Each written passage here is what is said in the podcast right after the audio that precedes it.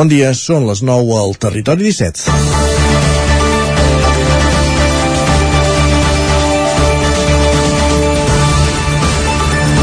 Després de mesos de protestes dels ramaders, el govern va anunciar divendres que fixarà un índex de referència per calcular els costos de producció de la llet i d'aquesta manera assegurar que es paga un preu just. La consellera d'Acció Climàtica, Alimentació i Agenda Rural, Teresa Jordà, ho va explicar durant una visita que va fer a la fàbrica de pinso de la cooperativa Plana de Vic i va assegurar que la Generalitat també oferirà crèdits als ramaders d'un fons de 10 milions d'euros per fer front a l'augment del preu del pinso i la resta de matèries primeres, a més de compensar aquests ingressos irrisoris que no compensen els els costos. A més, es crearà un institut que promocionarà la llet i els seus derivats des d'un vessant, des vessant científic i incidint en el fet que són aliments saludables. És lògic que els productors s'agafin aquestes mesures amb cautela després que el problema del preu de la llet s'arrossegui des de fa massa temps. Durant els últims 10 anys a Osona s'han cessat l'activitat han cessat l'activitat, volem dir, perdó, un total de 95 explotacions lleteres i al Ripollès la xifra és de 12, tal com reconeixia Jordà en una entrevista al 9-9 i al 9-TV. El tancament d'una explotació ramadera, la majoria de les que ho han fet són familiars, va molt més enllà d'un impacte econòmic va acompanyat de l'eliminació de zones de pastures o conreus, una desertització del territori que fins i tot acaba tenint conseqüències amb el risc d'incendi. És cert que l'aplicació d'aquest índex de referència només serà d'obligat compliment per les empreses que firmin el Codi de Bones Pràctiques promogut per la Generalitat, però aquí és on entra en joc la sobirania del consumidor. Tothom tindrà l'opció d'escollir entre una marca que paga un preu just al productor, fins i tot que es pugui llegir en el mateix envàs, o una altra que tingui aquest compromís per fer sostenible la cadena alimentària. Dimarts, 14 de desembre de 2021, comença una nova edició del Territori 17 a la sintonia d'Ona Codinenca, la veu de Sant Joan, Ràdio Cardedeu, Ràdio Vic, el 9 FM i el 9 TV. Territori 17, amb Isaac Moreno i Jordi Sunyer.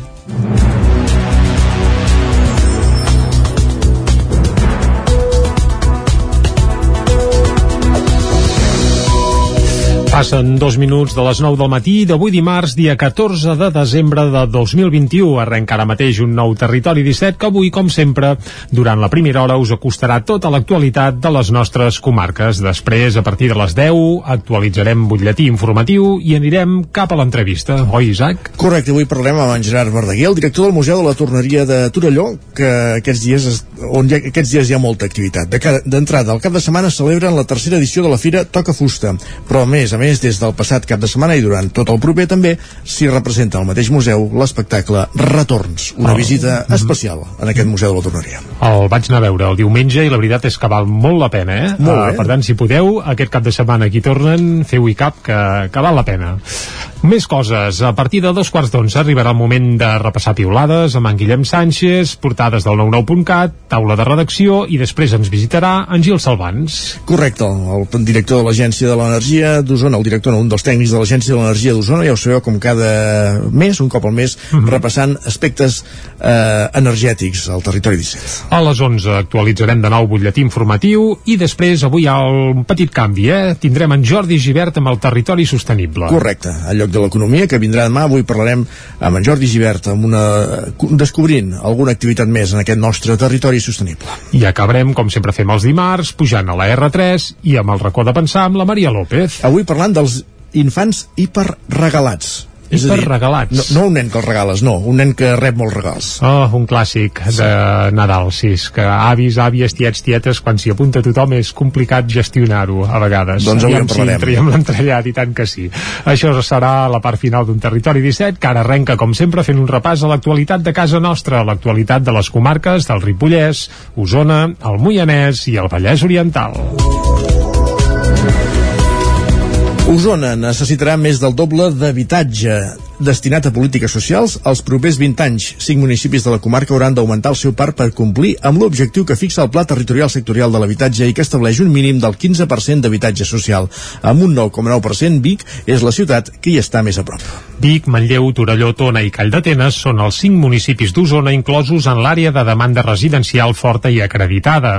Així ho estableix l'Agència de l'Habitatge de Catalunya i el Departament de Drets Socials, un fet que els obliga a complir l'objectiu de solidaritat urbana i disposar d'aquí a 20 anys, d'un 15% mínim d'habitatge social. Per assolir-ho, la majoria de municipis hauran de duplicar el parc destinat a polítiques socials que tenen actualment. Segons dades de l'Agència de l'Habitatge, Vic, amb un 9,9%, és el que hi està més a prop. La regidora d'Urbanisme de l'Ajuntament Bigatà, Fabiana Palmero, que la setmana vinent assumirà les competències també d'habitatge, assegura que la capital usonenca va un pas per endavant, ja que el POUM preveu un 30% d'habitatge social. Fabiana Palmero. L'habitatge és un gran repte eh, per tots i per l'Ajuntament de Vic també i nosaltres justament ara eh, acabem d'aconseguir un recurs de la Diputació per la redacció del Pla Local d'Habitatge. Aquest Pla Local d'Habitatge el que farà és eh, aprofundir en això que vam començar en el POUM, que era la memòria social del POUM, no? que explicava una mica eh, què volíem aconseguir amb l'habitatge social, com està distribuït aquest habitatge social en tota la ciutat i això en el POUM està concebit d'una manera, concebut d'una manera que estigui ben distribuït i repartit en tota la ciutat. En el cas de Vic, Palmero insisteix en la importància de continuar treballant en el marc del programa Reallotgem.cat, creat ara fa un any. Llavors tenim ara el programa Reallotgem de la, de la Generalitat, que també és molt important, que és aquestes persones que estan a punt de desnonar-les, que eh, la Generalitat ara eh, signa un acord amb els propietaris per eh, tornar a admetre diguem, aquesta gent a punt d'estar desnonada i a canvi d'això la Generalitat paga el lloguer directament al propietari eh, per un període de 3 o 5 anys.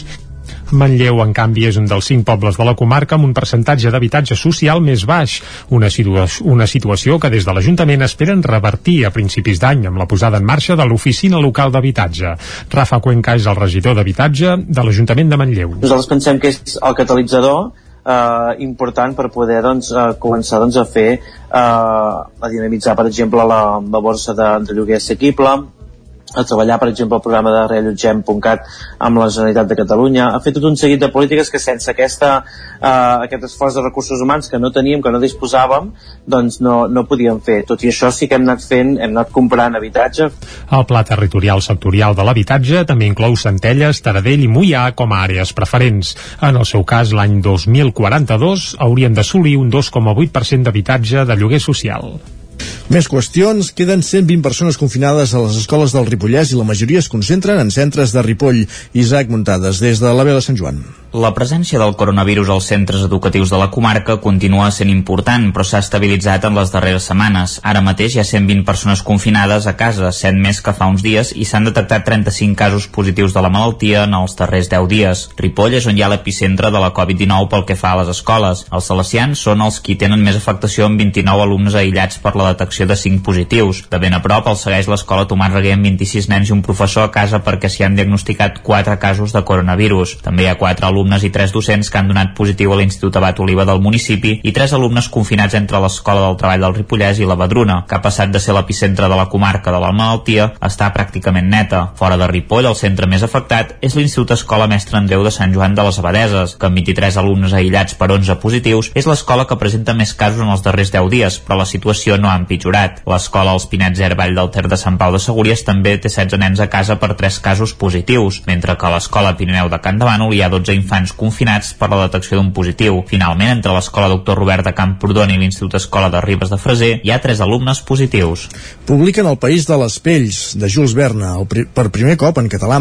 Qui n'ha fet la traducció és el geòleg i exrector de la Universitat de Vic, David Serrat. A l'escola de Sant Joan de les Abadesses, on cursava estudis primaris, David Serrat era un dels alumnes que traia més bones notes. Com a premi un any li van regalar una novel·la de Jules Verne, El País de les Pieles, en una edició que encara conserva i que té la dedicatòria del governador civil de l'època. Va ser el seu primer contacte amb aquest relat i amb l'escriptor francès, un clàssic de la literatura mundial d'aventures i pare del gènere de la ciència-ficció. Quan Serrat va deixar el càrrec de rector de la Universitat de Vic i abans de tornar a les classes de geologia en un any sabàtic, va recuperar aquell vell llibre, que el va tornar a seduir, però ara ja no tant des de la perspectiva de nen, sinó la de científic. El sorprenia la capacitat extraordinària de Verne d'incloure amb tot rigor en la novel·la uns coneixements que eren molt nous per a la seva època, i aprofitant el seu domini del francès, Serrat es va posar a traduir la novel·la, que finalment ha vist la llum, publicada per Ediciones Paganel. L'edició inclou les il·lustracions construccions originals de l'època, cedides en aquest cas per la Societat Jules Verne de París, que gestiona el llegat i els drets del novel·lista per tot el món. David Serrat està treballant ara en una altra traducció de Verne. Es tracta de la novel·la Les Índies Negres i en aquest cas fa referència a les mines de carbó d'Escòcia. L'autor de novel·les tan conegudes com 20.000 llegües de viatge submarí, Viatge al centre de la Terra o de la Terra a la Lluna, té ara dos nous títols en català. A més del País de les Pells, dijous passat també es va presentar al Temple Romà de Vic l'edició d'una extravagància del doctor Ox, traduïda al català, en aquest cas per la filòloga Anna Maria Corredor. L'acte el va presentar l'usonenc Pasqual Bernat, historiador de la ciència i vicepresident de la Societat Hispànica Jules Verne. Encara Osona tanca la històrica merceria Giral de Vic. L'establiment tenia 136 anys d'història. Vic perd un altre dels seus comerços centenaris. Es tracta de la botiga de moda i merceria Giral, situada al carrer del Trinquet, deixant enrere 136 anys d'història. Una història per sempre més associada a una imatge icònica, la de la centenària calaixera de fusta que hi havia darrere el taulell, amb els seus més de 200 calaixets plens de gomes, cintes, randes, agulles, puntes o botons. El futur de la botiga va quedar tocat de mort amb el decés, el juliol passat, de Neu Giral, tercera generació de la família al capdavant d'un negoci que havia obert el seu avi, Pasqual Giral. Tot plegat arrenca l'any 1885, quan Pasqual Giral i la seva dona, Antònia Molist, van obrir una petita merceria inicialment a la Rambla del Passeig. Durant les primeres dècades, l'establiment, conegut llavors com a Can Pasqual, també venia màquines de cosir. Eren de procedència alemanya, però es comercialitzaven sota la marca Giral. Un fill del matrimoni, Lluís Giral, va agafar-los al relleu el 1915 i a partir dels anys 50 ja comptarà amb el suport de la seva filla gran, la Neus, que n'esdevindrà l'ànima l'últim mig segle. Als anys 60, Can Giral va deixar de vendre màquines de cosir i va reforçar la secció de moda i puntualment també bijuteria. El 1987 la botiga es va traslladar al número 3 del carrer del Trinquet, ja com a modes Giral, sense renunciar a la merceria que es va conservar sempre. Després d'uns últims dies d'autèntic tragí, molta clientela també va aprofitar els descomptes finals. Dimarts passat Can Giral va baixar definitivament la persiana. Ahir ja els hi explicàvem, 13 de desembre era Santa Llúcia, sinònim de fires nadalenques i aquest cap de setmana n'hi ha hagut diversos, diverses a diferents pobles de tot el territori 17. Prats de Lluçanès, per exemple, va recuperar diumenge la mostra després del parèntesi de l'any passat per la pandèmia. Després d'un any en blanc per culpa de la Covid, Prats de Lluçanès va recuperar aquest diumenge la tradicional Fira de Santa Llúcia. L'Ajuntament ha mantingut la línia iniciada fa dos anys i el certamen es va tornar a centrar en el món del cavall i el bestiar com a principal reclam. L'alcalde Jordi Bruc destacava la importància de la fira per Prats com a reclam econòmic i també com a senyal d'una tornada a la normalitat. L'escoltem. Contents de poder tornar a donar aquesta volada doncs, a la fira més nostra, la, la més reconeguda que tenim, a la fira de Santa Llúcia, i, bueno, una fira doncs, basada, com no, en el món agrícola, ramader i sobretot aquests dos últims anys que va poder fer tant el 2019 com aquest 2021 doncs, lligat una miqueta i tirat endavant el que és el món equestre. Els, els visitants arribats de tot el Lluçanès i d'altres zones properes del Berguedà i Osona van poder admirar exemplars de cavalls de tres tipus diferents i una nodrida representació d'animals de granja. Pep Armengol és membre de l'organització de la fira. Aquí podem trobar des de, de, de cavalls de rossa fins a, a cavalls de, de, de, de raid i després de passeig. Tens tres classes de cavalls i llavors tens la secció del bestiar petit que pots trobar des de ponis, vedells, porcs i, i xais, tens una mica de tot. Sí, sí, ja fa anys que me'n cuido i, i bueno, s'ha anat fent la fira mantenint la tradició pel que fa a la fira, una cinquantena de parades es van estendre pel passeig de Prats amb productes de proximitat, creacions artesanes i altres productes de botigues i establiments del poble. A més de l'oferta comercial, la Fira de Santa Llúcia es va completar amb una farcida agenda d'actes culturals i demostracions de traça amb maquinària agrícola i forestal. També va haver-hi fira de Nadal a Sant Feliu de Codines, on hi van passar centenars de persones aquest cap de setmana. Caral Campàs, des d'Ona Codinenca. Sant Feliu de Codines ha comptat amb un munt d'activitats nadalenques aquest cap de setmana amb la Fira de Nadal i l'obertura de la Casa dels Desitjos. El tret de sortida es va donar divendres amb l'encesa de llums de Nadal. Carme Vallcorba, presidenta del grup de comerciants codinencs, ho valorava així. Ha sigut molt maco. A la plaça plena de gent, els nens amb aquella cara d'il·lusió, el Pare Noel els hi ha donat la benvinguda amb tots els seus elfs i finalment ha fet l'encesa de l'arbre de la plaça plaça vol dir que ha sigut molt xulo Una trentena de parades, la meitat dels quals de comerços del poble, van omplir els carrers més cèntrics del municipi. A més, el grup de comerciants va tornar a transformar l'antiga farmàcia en la casa dels desitjos amb el Pare Noel. Tots els nens van rebre un obsequi d'un conte. Sentim a Aitana i Abraham Gómez. Eh, pues mira, hi ha el Papa Noel donant llibres i donant caramels. Tu puges per aquestes escales, llavors tu dius o li dones la carta del que vols. De, sí, al Pare Noel, el que tu vols, llavors després, després tu vas amb una elfo i, i t'ensenya l'habitació del Pare Noel i després baixes. I també, I també quan entres tens que cantar una cançó de Nadal. Perquè quan el Pare Noel té molt de treball, el cagatió li ha donat unes vacances aquí perquè ell pot descansar. Paral·lelament, durant tot el cap de setmana també es van realitzar activitats en motiu de la Marató de TV3, aprofitant el reclam de l'esdeveniment de la Fira de Nadal. I més fires de Nadal a Cardedeu, èxit de visitants durant aquest cap de setmana després d'un any sense celebrar-se per la pandèmia. S'ha recuperat la fira que durant 25 anys s'havia celebrat ininterrompudament. Núria Lázaro, des de Ràdio Televisió de Cardedeu. Aquest cap de setmana s'ha celebrat la 26a edició de la Fira de Nadal a Cardedeu, una de les primeres del Vallès Oriental, una fira que s'ha celebrat amb vent, neu i pluja i que mai s'havia vist interrompuda fins que va arribar la pandèmia. Una fira que va començar amb 5 parades i que ara compta amb més de 170 i amb llista d'espera. Mercè Jovany, presidenta de l'Associació de Veïns del Centre de Cardedeu. Ve gent de tot arreu, estem contents perquè és que la gent que ve, ha vingut un grup de gent de, de, de Barcelona, metges, que coneix un, un i que, bueno, que Cardedeu, i que bonic, i quina fira, el, els músics, eh, que han anat a moltes fires, i et diuen, Uh, quin, que maco, que bonic, quin entorn, que preciós. Mira, posa la pell de gallina. No m'està bé dir-ho, però és que ho haig de dir-ho. I volem donar gràcies a, a tots, a tothom que hi ha col·laborat, que hi ha ajudat a que tot això sigui així de bonic. Durant els tres dies de fira Cardedeu s'ha viscut el Nadal d'una manera molt especial, sempre amb música al carrer i amb activitats per als més petits de casa. Gràcies, Núria, que aquí aquest repàs informatiu que hem fet també en companyia de Caral Campàs, Isaac Muntades i Jordi Sunyer. Moment de conèixer la previsió meteorològica. Motiu pel qual tot seguit saludem ja en Pep Acosta.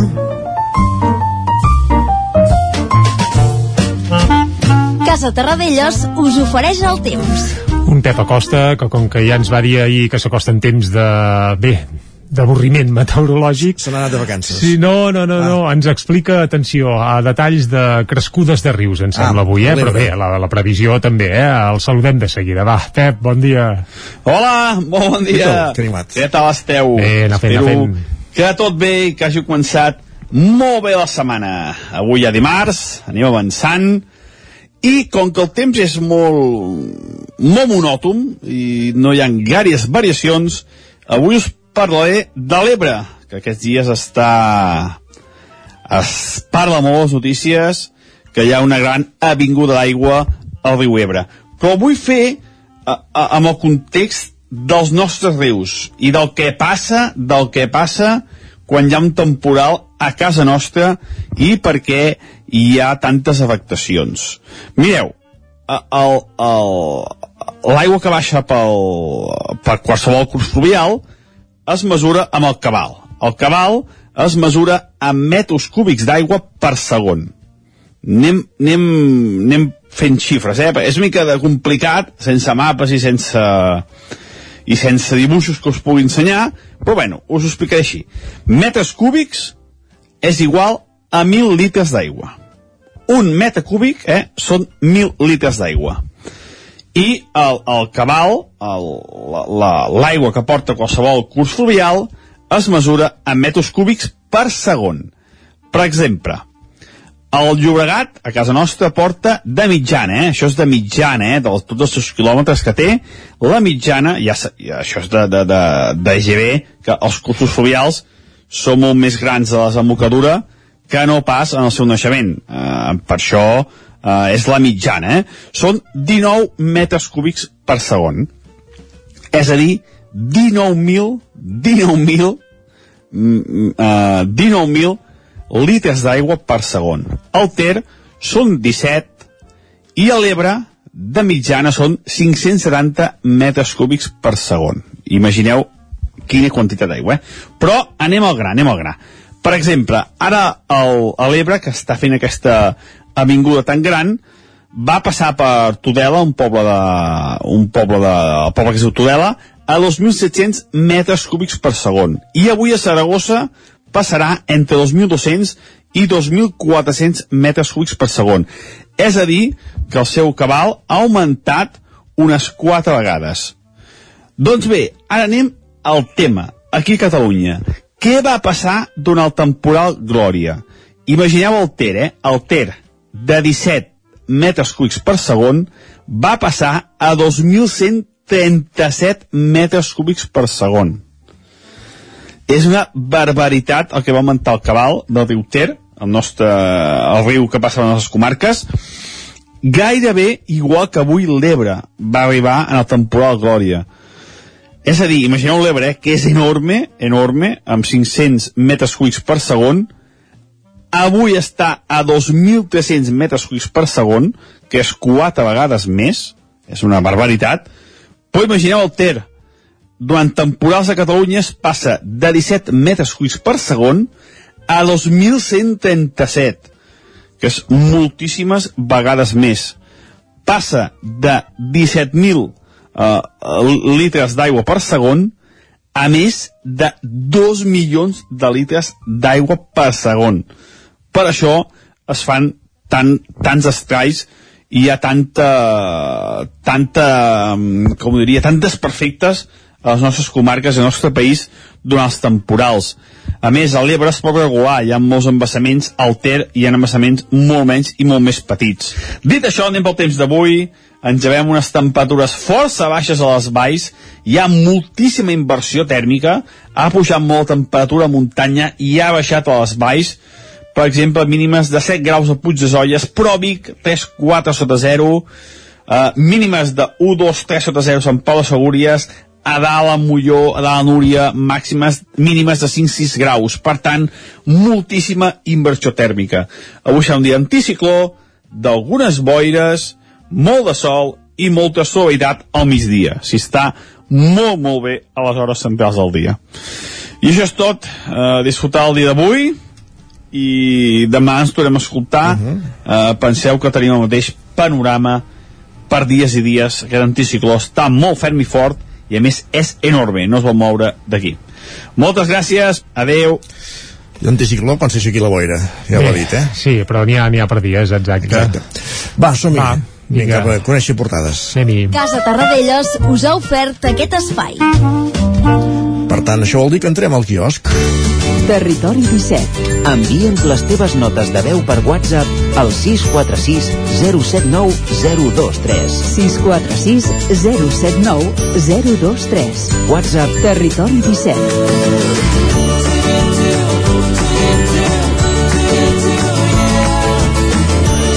Territori 17. Som a Facebook, Twitter i Instagram amb l'usuari Territori 17.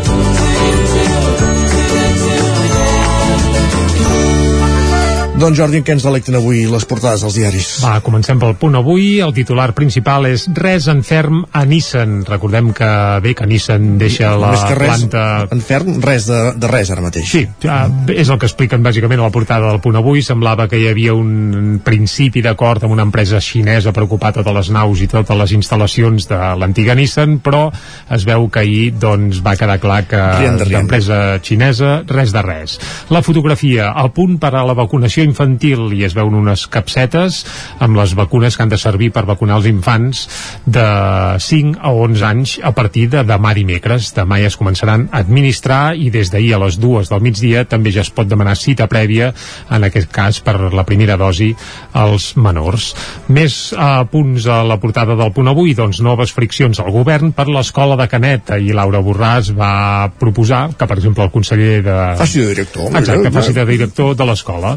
I la CUP ja s'hi va apuntar, eh? va dir que era una bona, una bona tàctica. Veus? I avui deixem fer una excepció i fem un cop d'ull a l'esportiu, que també va encartat al punt avui, i és que la portada diu uh, The Champions, i es veu una bufanda del Nàpols i del Barça. Clar, el Barça a l'Europa League li ha tocat al Nàpols, i home, sí que és cert que és un partit que amb regust de Champions, eliminatòria sí, sí. dalt de tot. I el Madrid-PSG de final, també. Uh, sí, i mira que bé, no, no cal que entrem a, de, a, a detallar què va passar amb el sorteig, però, però també donaria per molt, eh? Però Benfica. vaja, Va, en fi, va, qüestions. anem a més portades, seguim, va, anem cap a l'ara. Suïssa arxiva el cas de la donació de 65 milions d'euros de l'emèrit a Corina. Uh, el fiscal veu indicis d'irregularitats, però no hi troba prou relació amb les comissions de l'AVE de la Meca. Per tant, jo crec que el Borbó, a principis de l'any que ve, el tenim per aquí un altre cop, eh? però vaja, això serien figues Per d'un altre paner. per, per allà 600 quilòmetres, força. Bé, per l'estat espanyol, sí, Entès, sí, sí, sí. ah, sí, potser Catalunya no ho acabarà de... Bé, ja es veurà prou, ja es veurà prou. Temps Va, més qüestions. Adeu a l'opció xinesa per a la planta de Nissan, el mateix titular que recollíem també al punt avui, i eh, el millor any per al llibre. Resulta que aquest 2021 s'ha acabat doncs, amb rècords de vendes de llibres físics eh, a Catalunya, una notícia que evidentment celebrem, exacte. A la pandèmia hi deu haver tingut alguna cosa a veure. Eh? Segurament. Anem cap a l'avantguàrdia. Suïssa arxiva la causa per la milionària donació saudita al rei Joan Carles i la foto principal és per Verònica Forqué, adeu a un dels somriures més estimats del cinema. Aquesta actriu que, que ahir bé, es va trobar morta a casa seva, sembla que s'hauria suïcidat. També Rajoy nega que conegués Villarejo, l'espionatge a Bárcenas i la Caixa B del PP. És a dir, ho nega tot, eh? Jo no conec Jo no Villarejo. No, no no, ningú, no, Bárcenas no, no, d'allò, no, la Caixa B del PP no, i mira que hi ha gent que ho afirma, però ell no, M. no, ell no ho sap. Correcte. Anem al periòdico. Va, el fiscal suís deixa en evidència Joan Carles I i la fotografia també és per Verònica Forqué, la tragèdia de Forqué. Uh, commoció per la mort de l'actriu madrilenya que es treu la vida als 66 anys. Això apunten a la, a la portada del periòdico i ràpidament, cop d'ull a portades uh, que s'editen des de Madrid. Suïssa tenca la causa sobre la donació saudita a Joan Carles I. La fotografia al país també és per Verònica Forqué. A El Mundo, la foto també Verònica Forqué, Forqué perdó, i el titular el carpetazo, ras i curtet, de la Fiscalia de Suïssa eh, despeja el horizonte penal de Juan Carlos I volguem dir que eh, ja se'n van els núvols. l'ABC Suïssa descarta que Don Juan Carlos cobrara comissiones por el AVE a la Meca. Per tant eh, és innocent. Si Suïssa ho descarta i ràpidament la Razón, PP i Vox recolzen el retorn de Joan Carles després de l'arxivament de la causa suïssa El nou FM, la ràdio de casa, al 92.8. A Can Xalant obrim un any més el nostre estudi per les vostres sessions de fotos de Nadal. Crea les teves postals amb el fons que més t'agradi per 19 euros l'hora. I si vols fer-te fotos amb el nostre fotògraf, només 69 euros l'hora amb 10 fotos editades. Can Xalant, carrer Sant Tomàs 4 de Call d'Atenes. Contacta'ns al 616 04 02 96. Can Xalant us desitja bones festes. El racó de León. Gaudeix de la nostra terrassa. Vine a tastar les xuletilles de lechal a la brasa amb una bona amanida o el xuletón de vedella gallega. No et pots perdre el nostre lechada de Castilla al forn o el cochinillo a l'estil de Segovia. Tot acompanyat del millor celler, al menjador o fora la terrassa. Descobreix la millor cuina de Lleó sense moure't de casa. Vine amb la família, els amics, la parella o sol. T'encantarà. El racó de León, cuina tradicional lleonesa i de mercat. Som al carrer Torelló número 35 de Vic. Per reserves, telèfon 93 889 1950. El racó de León, una cuina diferent. Som especialistes en cargols a la llauna. Vine a tastar-los al racó de León. Això és el que s'escolta al voltant d'una caldera saunia d'Oval. Tranquilitat i benestar, perquè gaudeix del millor manteniment del servei tècnic oficial per estar despreocupat. O el que vulgui. Informis a Oficiat Nord trucant al 938860040. Saunia d'Oval, sempre al seu costat. Amb Pradell estalvio energia i cuido la meva butxaca i el medi ambient. Posa't en mans a Pradell, són experts en calderes de gas i condensació, estufes de pèl·let, energia solar, terres radiants i geotèrmia. Pradell instal·la calderes de biomassa per a particulars i per a empreses. Si vols estalviar un 50% en consum, contacta amb Pradell i passa't a les energies renovables. Pradell, som a l'Avinguda Països Catalans 27 de Vic. Telèfon 93 885 1197. Pradell.cat. A la botiga Ànima Records de Vic hi trobaràs tota mena de regals originals i personalitzats, productes artesans i de proximitat.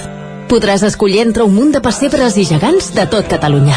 Si has de fer un regal especial, tradicional o cultural, vine a veure'ns a la botiga Ànima, a la plaça del Pes número 5 de Vic, o truca'ns al 93 511 0385. També pots comprar des de la nostra pàgina web. La botiga Ànima us desitja bones festes. Anuncia't al 9FM. La màquina de casa. 9 3 8 8 9 4 9 4 9 Publicitat arroba al 9FM.cat. Anuncia't al 9FM. La publicitat més eficaç. El 9FM, el 9FM, el 9FM. Dos quarts de deu en punt, al territori 17. Territori 17, amb Isaac Moreno i Jordi Sunyer.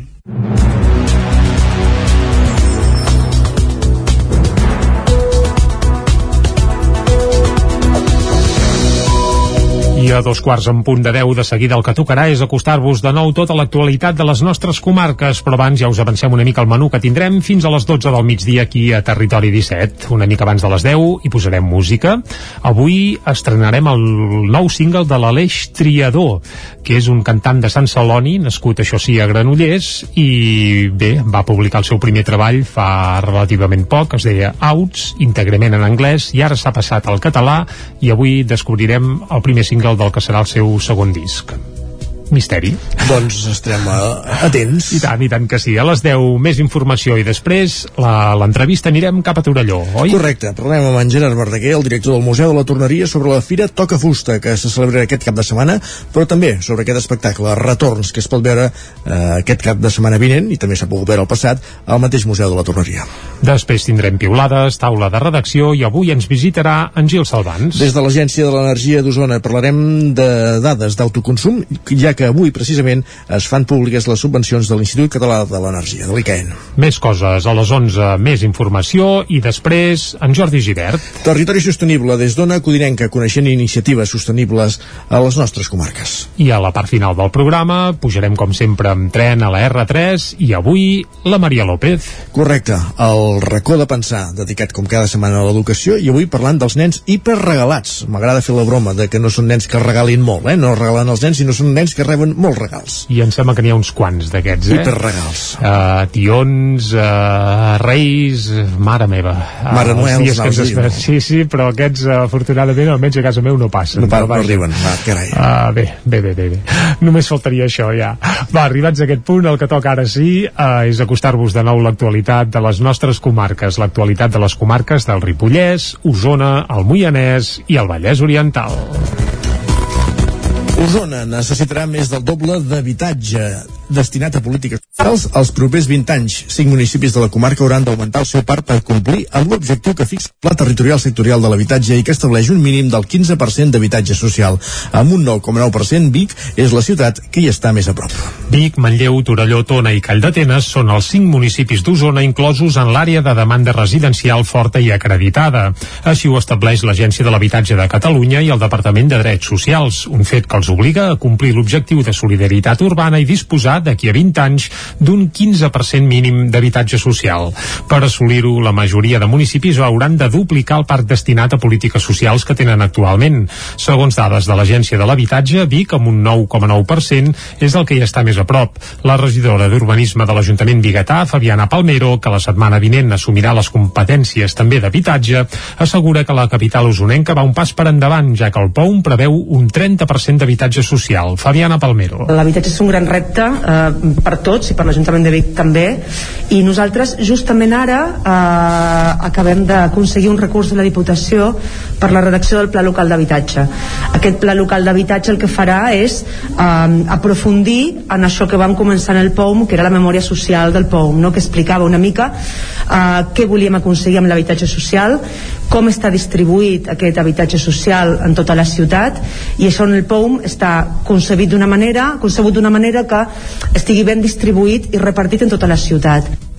En el cas de Vic, Palmero insisteix en la importància de continuar treballant en el marc del programa Reallotgem.cat, creat ara fa un any. Llavors tenim ara el programa Reallotgem de la, de la Generalitat, que també és molt important, que és aquestes persones que estan a punt de desnonar-les, que eh, la Generalitat ara eh, signa un acord amb els propietaris per eh, tornar a admetre diguem, aquesta gent a punt d'estar desnonada i a canvi d'això la Generalitat paga el lloguer directament al propietari eh, per un període de 3 o 5 anys.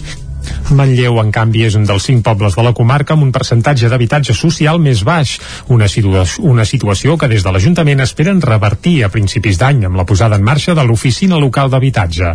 Rafa Cuenca és el regidor d'Habitatge de l'Ajuntament de Manlleu. Nosaltres pensem que és el catalitzador eh, important per poder doncs, eh, començar doncs, a fer eh, a dinamitzar per exemple la, la borsa de, de lloguer assequible a treballar, per exemple, el programa de reallotgem.cat amb la Generalitat de Catalunya, ha fet tot un seguit de polítiques que sense aquesta, eh, aquest esforç de recursos humans que no teníem, que no disposàvem, doncs no, no podíem fer. Tot i això sí que hem anat fent, hem anat comprant habitatge. El Pla Territorial Sectorial de l'Habitatge també inclou Centelles, Taradell i Mollà com a àrees preferents. En el seu cas, l'any 2042 haurien d'assolir un 2,8% d'habitatge de lloguer social. Més qüestions. Queden 120 persones confinades a les escoles del Ripollès i la majoria es concentren en centres de Ripoll. Isaac Muntades, des de la veu de Sant Joan. La presència del coronavirus als centres educatius de la comarca continua sent important, però s'ha estabilitzat en les darreres setmanes. Ara mateix hi ha 120 persones confinades a casa, 7 més que fa uns dies, i s'han detectat 35 casos positius de la malaltia en els darrers 10 dies. Ripoll és on hi ha l'epicentre de la Covid-19 pel que fa a les escoles. Els salesians són els qui tenen més afectació amb 29 alumnes aïllats per la detecció de 5 positius. De ben a prop els segueix l'escola Tomàs Reguer amb 26 nens i un professor a casa perquè s'hi han diagnosticat 4 casos de coronavirus. També hi ha 4 alumnes i 3 docents que han donat positiu a l'Institut Abat Oliva del municipi i 3 alumnes confinats entre l'Escola del Treball del Ripollès i la Badruna, que ha passat de ser l'epicentre de la comarca de la malaltia està pràcticament neta. Fora de Ripoll, el centre més afectat és l'Institut Escola Mestre Andreu de Sant Joan de les Abadeses, que amb 23 alumnes aïllats per 11 positius és l'escola que presenta més casos en els darrers 10 dies, però la situació no ha empitjorat. L'escola Els Pinets Vall del Ter de Sant Pau de Segúries també té 16 nens a casa per 3 casos positius, mentre que a l'escola Pirineu de Can Davànol hi ha 12 infants confinats per la detecció d'un positiu. Finalment, entre l'escola Doctor Robert de Camprodon i l'Institut Escola de Ribes de Freser hi ha 3 alumnes positius. Publiquen El País de les Pells, de Jules Verne, pri per primer cop en català. Qui n'ha fet la traducció és el geòleg i exrector de la Universitat de Vic, David Serrat. A l'escola de Sant Joan de les Abadesses, on cursava estudis primaris, David Serrat era un dels alumnes que traia més bones notes. Com a premi un any li van regalar una novel·la de Jules Verne, El País de les Pieles, en una edició que encara conserva i que té la dedicatòria del governador civil de l'època. Va ser el seu primer contacte amb aquest relat i amb l'escriptor francès, un clàssic de la literatura mundial d'aventures i pare del gènere de la ciència-ficció. Quan Serrat va deixar el càrrec de rector de la Universitat de Vic i abans de tornar a les classes de geologia en un any sabàtic, va recuperar aquell vell llibre, que el va tornar a seduir, però ara ja no tant des de la perspectiva de nen, sinó la de científic. El sorprenia la capacitat extraordinària de Verne d'incloure amb tot rigor en la novel·la uns coneixements que eren molt nous per a la seva època i aprofitant el seu domini del francès, Serrat es va posar a traduir la novel·la que finalment ha vist la llum publicada per Ediciones Paganel. L'edició inclou les il·lustracions originals de l'època, cedides en aquest cas per la Societat Jules Verne de París, que gestiona el llegat i els drets del novel·lista per tot el món. David Serrat està treballant ara en una altra traducció de Verne. Es tracta de la novel·la Les Índies Negres i en aquest cas fa referència a les mines de carbó d'Escòcia. L'autor de novel·les tan conegudes com 20.000 llegües de viatge submarí, Viatge al centre de la Terra o de la Terra a la Lluna, té ara dos nous títols en català. A més del País de les Pells, dijous passat també es va presentar al Temple Romà de Vic l'edició d'una extravagància del doctor Ox, traduïda al català, en aquest cas per la filòloga Anna Maria Corredor. L'acte el va presentar l'usonenc Pasqual Bernat, historiador de la ciència i vicepresident de la Societat Hispànica Jules Verne. Encara Osona tanca la històrica merceria Giral de Vic. L'establiment tenia 136 anys d'història. Vic perd un altre dels seus comerços centenaris. Es tracta de la botiga de moda i merceria Giral, situada al carrer del Trinquet, deixant enrere 136 anys d'història. Una història per sempre més associada a una imatge icònica, la de la centenària calaixera de fusta que hi havia darrere el taulell, amb els seus més de 200 calaixets plens de gomes, cintes, randes, agulles, puntes o botons. El futur de la botiga va quedar tocat de mort amb el decés, el juliol passat, de Neu Giral, tercera generació de la família al capdavant d'un negoci que havia obert el seu avi, Pasqual Giral. Tot plegat arrenca l'any 1885, quan Pasqual Giral i la seva dona, Antònia Molist, van obrir una petita merceria inicialment a la Rambla del Passeig. Durant les primeres dècades, l'establiment, conegut llavors com a Can Pasqual, també venia màquines de cosir. Eren de procedència alemanya, però es comercialitzaven sota la marca Giral. Un fill del matrimoni, Lluís Giral, va agafar-los al relleu el 1915 i a partir dels anys 50 ja comptarà amb el suport de la seva filla gran, la Neus, que n'esdevindrà l'ànima l'últim mig segle. Als anys 60, Can Giral va deixar de vendre màquines de cosir i va reforçar la secció de moda i puntualment també bijuteria. El 1987 la botiga es va traslladar al número 3 del carrer del Trinquet, ja com a modes Giral, sense renunciar a la merceria que es va conservar sempre. Després d'uns últims dies d'autèntic tragí, molta clientela també va aprofitar els descomptes finals. Dimarts passat Can Giral va baixar definitivament la persiana. Ahir ja els hi explicàvem, 13 de desembre era Santa Llúcia, sinònim de fires nadalenques i aquest cap de setmana n'hi ha hagut diversos, diverses a diferents pobles de tot el territori 17. Prats de Lluçanès, per exemple, va recuperar diumenge la mostra després del parèntesi de l'any passat per la pandèmia. Després d'un any en blanc per culpa de la Covid, Prats de Lluçanès va recuperar aquest diumenge la tradicional Fira de Santa Llúcia. L'Ajuntament ha mantingut la línia iniciada fa dos anys i el certamen es va tornar a centrar en el món del cavall i el bestiar com a principal reclam. L'alcalde Jordi Bruc destacava la importància de la fira per Prats com a reclam econòmic i també com a senyal d'una tornada a la normalitat. L'escoltem. Contents de poder tornar a donar aquesta volada doncs, a la fira més nostra, la, a la més reconeguda que tenim, a la fira de Santa Llúcia, i, bueno, una fira doncs, basada, com no, en el món agrícola, ramader i sobretot aquests dos últims anys que s'ha pogut fer tant el 2019 com aquest 2021 doncs, lligat una miqueta i tirat endavant el que és el món equestre els, els visitants arribats de tot el Lluçanès i d'altres zones properes del Berguedà i Osona van poder admirar exemplars de cavalls de tres tipus diferents i una nodrida representació d'animals de granja. Pep Armengol és membre de l'organització de la fira. Aquí trobem trobar des de, de, de cavalls de rossa fins a, a cavalls de, de, de, de raid i després de passeig, tens tres classes de cavalls i llavors tens la secció del bestiar petit que pots trobar des de ponis, vedells, porcs i, i xais, tens mica de tot sí, sí, ja fa anys que me'n cuido i, i bueno, s'ha anat fent la fira mantenint la tradició pel que fa a la fira, una cinquantena de parades es van estendre pel passeig de Prats amb productes de proximitat, creacions artesanes i altres productes de botigues i establiments del poble. A més de l'oferta comercial, la Fira de Santa Llúcia es va completar amb una farcida agenda d'actes culturals i demostracions de traça amb maquinària agrícola i forestal. També va haver-hi fira de Nadal a Sant Feliu de Codines, on hi van passar centenars de persones aquest cap de setmana. Caral Campàs, des d'Ona Codinenca. Sant Feliu de Codines ha comptat amb un munt d'activitats nadalenques aquest cap de setmana amb la Fira de Nadal i l'obertura de la Casa dels Desitjos. El tret de sortida es va donar divendres amb l'encesa de llums de Nadal. Carme Vallcorba, presidenta del grup de comerciants codinencs, ho valorava així. Ha sigut molt maco.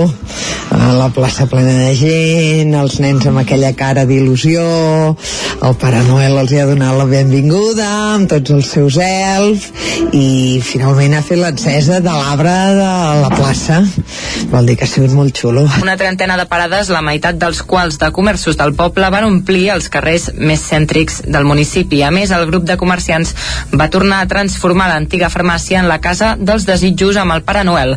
Tots els nens van rebre un obsequi d'un conte. Sentim a Aitana i Abraham Gómez. Eh, pues mira, ha el Papa Noel donant llibres i donant caramels.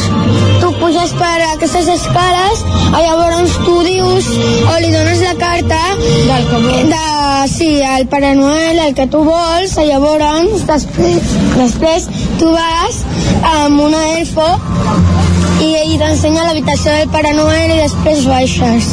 I també, I també quan entres tens que cantar una cançó de Nadal. Encara... Perquè com el Pare Noel té molt de treball el tío li ha donat unes vacances aquí perquè ell pot descansar. Paral·lelament, durant tot el cap de setmana també es van realitzar activitats en motiu de la Marató de TV3, aprofitant el reclam de l'esdeveniment de la Fira de Nadal. I més fires de Nadal a Cardedeu, èxit de visitants durant aquest cap de setmana després d'un any sense celebrar-se per la pandèmia. S'ha recuperat la fira que durant 25 anys s'havia celebrat ininterrompudament. Núria Lázaro, des de Ràdio Televisió de Cardedeu. Aquest cap de setmana s'ha celebrat la 26a edició de la Fira de Nadal a Cardedeu, una de les primeres del Vallès Oriental, una fira que s'ha celebrat amb vent, neu i pluja i que mai s'havia vist interrompuda fins que va arribar la pandèmia. Una fira que va començar amb 5 parades i que ara compta amb més de 170 60 i amb llista d'espera. Mercè Jovany, presidenta de l'Associació de Veïns del Centre de Cardedeu. Ve gent de tot arreu, estem contents perquè és que la gent que ve, ha vingut un grup de gent de, de, de Barcelona, metges, que coneix un, un i que bueno, que Cardedeu, i que bonic, i quina fira, el, els músics, el, que han anat a moltes fires, i et diuen, uh, quin, que maco, que bonic, quin entorn, que preciós. I, mira, posa la pell de gallina. No m'està bé dir-ho, però és que ho haig de dir-ho.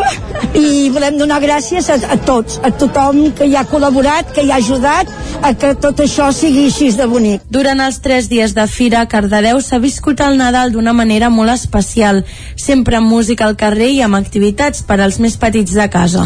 Gràcies, Núria, que aquí aquest repàs informatiu que hem fet també en companyia de Caral Campàs, Isaac Muntades i Jordi Sunyer. Moment de conèixer la previsió meteorològica. Motiu pel qual tot seguit saludem ja en Pep Acosta.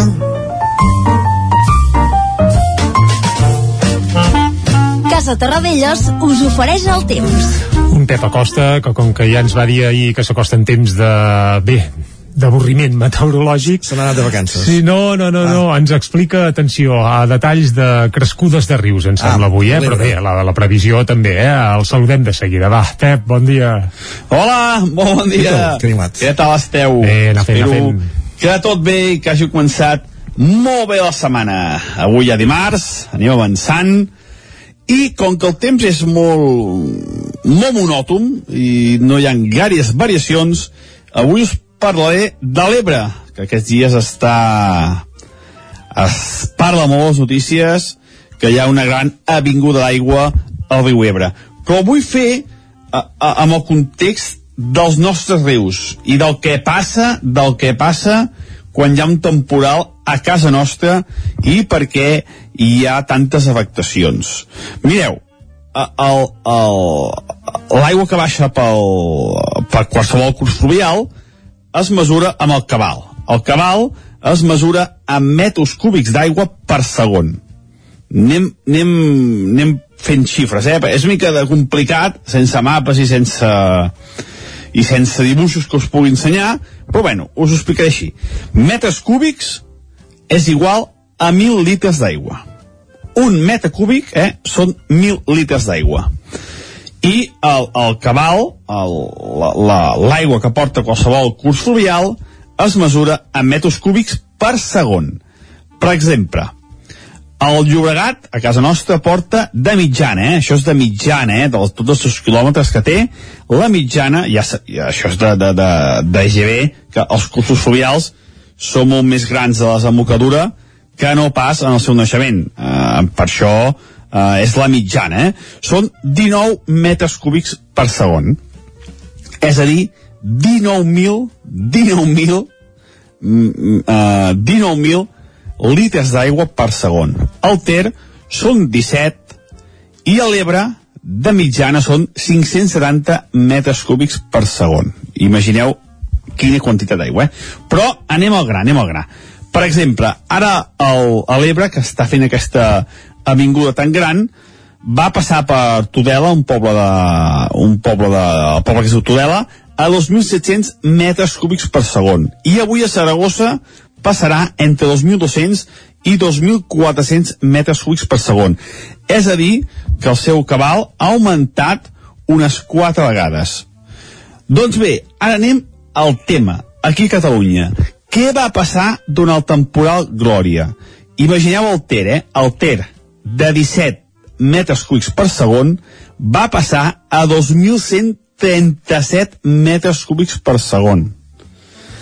és una barbaritat el que va augmentar el cabal del riu Ter, el nostre el riu que passa a les nostres comarques, gairebé igual que avui l'Ebre va arribar en el temporal Glòria. És a dir, imagineu l'Ebre, eh, que és enorme, enorme, amb 500 metres cúbics per segon, avui està a 2.300 metres cúbics per segon, que és quatre vegades més, és una barbaritat, però imagineu el Ter, durant temporals a Catalunya es passa de 17 metres cúbics per segon a 2.137, que és moltíssimes vegades més. Passa de 17.000 uh, litres d'aigua per segon a més de 2 milions de litres d'aigua per segon. Per això es fan tan, tants estralls i hi ha tanta, tanta, com ho diria, tantes perfectes a les nostres comarques i al nostre país durant els temporals. A més, a l'Ebre es pot regular, hi ha molts embassaments, al Ter hi ha embassaments molt menys i molt més petits. Dit això, anem pel temps d'avui, ens llevem unes temperatures força baixes a les valls, hi ha moltíssima inversió tèrmica, ha pujat molt la temperatura a muntanya i ha baixat a les valls, per exemple, mínimes de 7 graus a Puig de Zolles, Pròvic 3-4 sota 0, uh, mínimes de 1-2-3 sota 0 Sant Pau de Segúries, a dalt a Molló, a dalt a Núria, màximes mínimes de 5-6 graus. Per tant, moltíssima inversió tèrmica.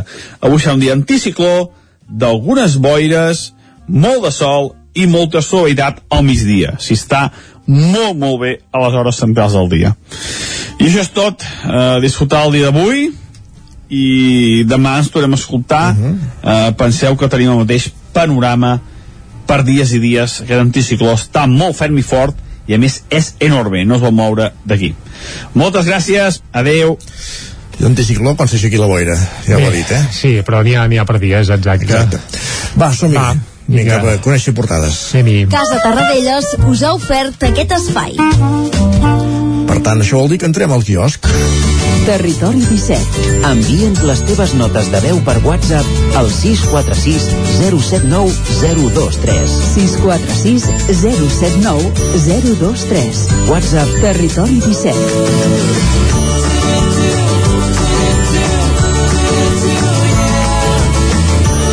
Territori 17. Som a Facebook, Twitter i Instagram amb l'usuari Territori 17.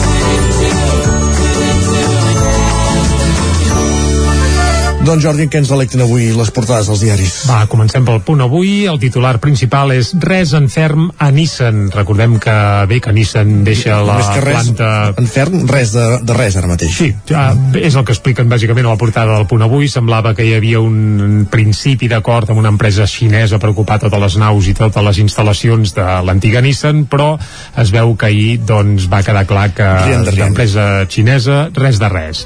La fotografia, a punt per a la vacunació infantil i es veuen unes capsetes amb les vacunes que han de servir per vacunar els infants de 5 a 11 anys a partir de demà dimecres. Demà ja es començaran a administrar i des d'ahir a les dues del migdia també ja es pot demanar cita prèvia, en aquest cas per la primera dosi als menors. Més a punts a la portada del punt avui, doncs noves friccions al govern per l'escola de Canet. i Laura Borràs va proposar que, per exemple, el conseller de... Faci de director. Exacte, faci de director de l'escola i la CUP ja s'hi va apuntar, eh? va dir que era una bona, una bona tàctica. Veus? I avui deixem fer una excepció i fem un cop d'ull a l'esportiu, que també va encartat al punt avui, i és que la portada diu uh, The Champions, i es veu una bufanda del Nàpols i del Barça. Clar, el Barça a uh, l'Europa League li ha tocat el Nàpols, i home, sí que és cert que és un partit que amb regust de Champions, eliminatòria sí, sí. dalt de tot. I el Madrid PSG de final també. Uh, sí, i mira que bé, no, no cal que entrem a, de, a, a detallar què va passar amb el sorteig, però, però també donaria per molt, eh? Però Benfica. vaja. Va, en fi, va, qüestions. anem a més portades, seguim, va, anem cap a l'ara. Suïssa arxiva el cas de la donació de 65 milions d'euros de l'emèrit a Corina. Uh, el fiscal veu indicis d'irregularitats però no hi troba prou relació amb les comissions de l'AVE de la Meca. Per tant, jo crec que el Borbó a principis de l'any que ve el tenim per aquí un altre cop, eh? però vaja, això serien figues d'un altre paner. Per, per allà 600 quilòmetres, potser. Bé, per l'estat espanyol, sí, sí, sí, uh, sí. Potser Catalunya no ho acabarà de... Bé, ja es veurà prou, ja es veurà prou. Tens Va, més qüestions. Adeu a l'opció xinesa per a la planta de Nissan, el mateix titular que recollíem també al punt avui, i uh, el millor any per al llibre. Resulta que aquest 2021 s'ha acabat doncs, amb rècords de vendes de llibres físics uh, a Catalunya, una notícia que evidentment celebrem. Exacte. A la pandèmia hi deu haver tingut alguna cosa a veure. Eh? Anem cap a l'avantguàrdia. Suïssa arxiva la causa per la milionària donació saudita al rei Joan Carles i la foto principal és per Verònica Forqué. Adeu a un dels somriures més estimats del cinema.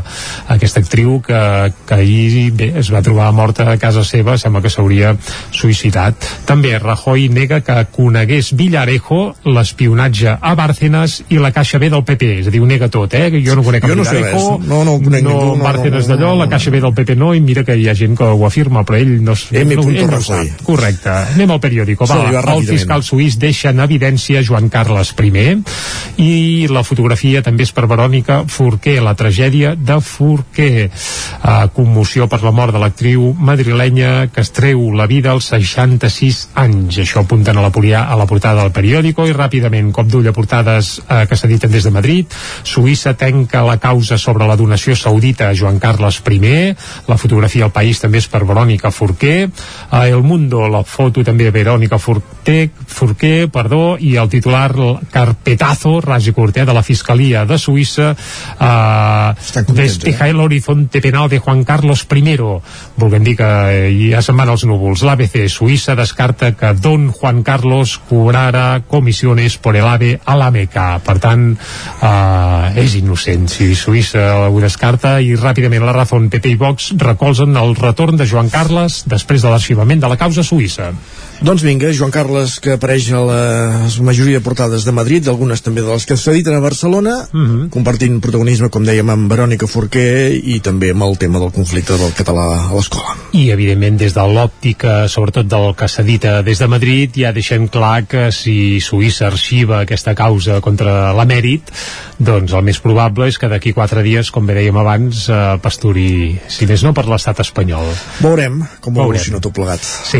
uh, és ben bé Pobre home, que a les seves edats hagi hagut de marxar de casa seva. Sí, ves per on. Bé, a casa seva Bé, és que això dels Borbons donaria per molt, eh? però saber on és casa seva en cas d'un Borbó eh, històrica, històricament diguem que la casa dels Borbons ha set eh, on hi ha hagut les misses Bé, tant és, va, Exacte, ara va, seria molt llarg posem-hi música Sí, per desengressar-ho tot plegat sempre ho fem fins a arribar al punt de les 10 i avui hem avançat que estrenarem el més nou de l'Aleix Triador. L'Aleix Triador és un cantautor nascut a Granollers, tot i que ara viu a Sant Celoni, per tant és del territori 17, eh? el tenim el, afincat al Vallès Oriental, i fa un parell d'anys va debutar eh, amb un primer treball que es deia Outs. Aquell treball era íntegrament en anglès i ara el músic català doncs el que ha fet és que farà un segon treball que sortirà d'aquí a ben poc i eh, s'ha passat al català i el que escoltarem és precisament el primer single del que serà el seu nou disc que arribarà a principis de l'any vinent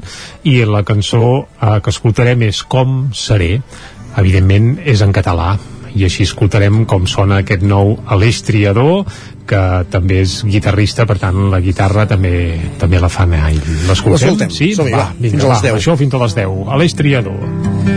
Podré ser un altre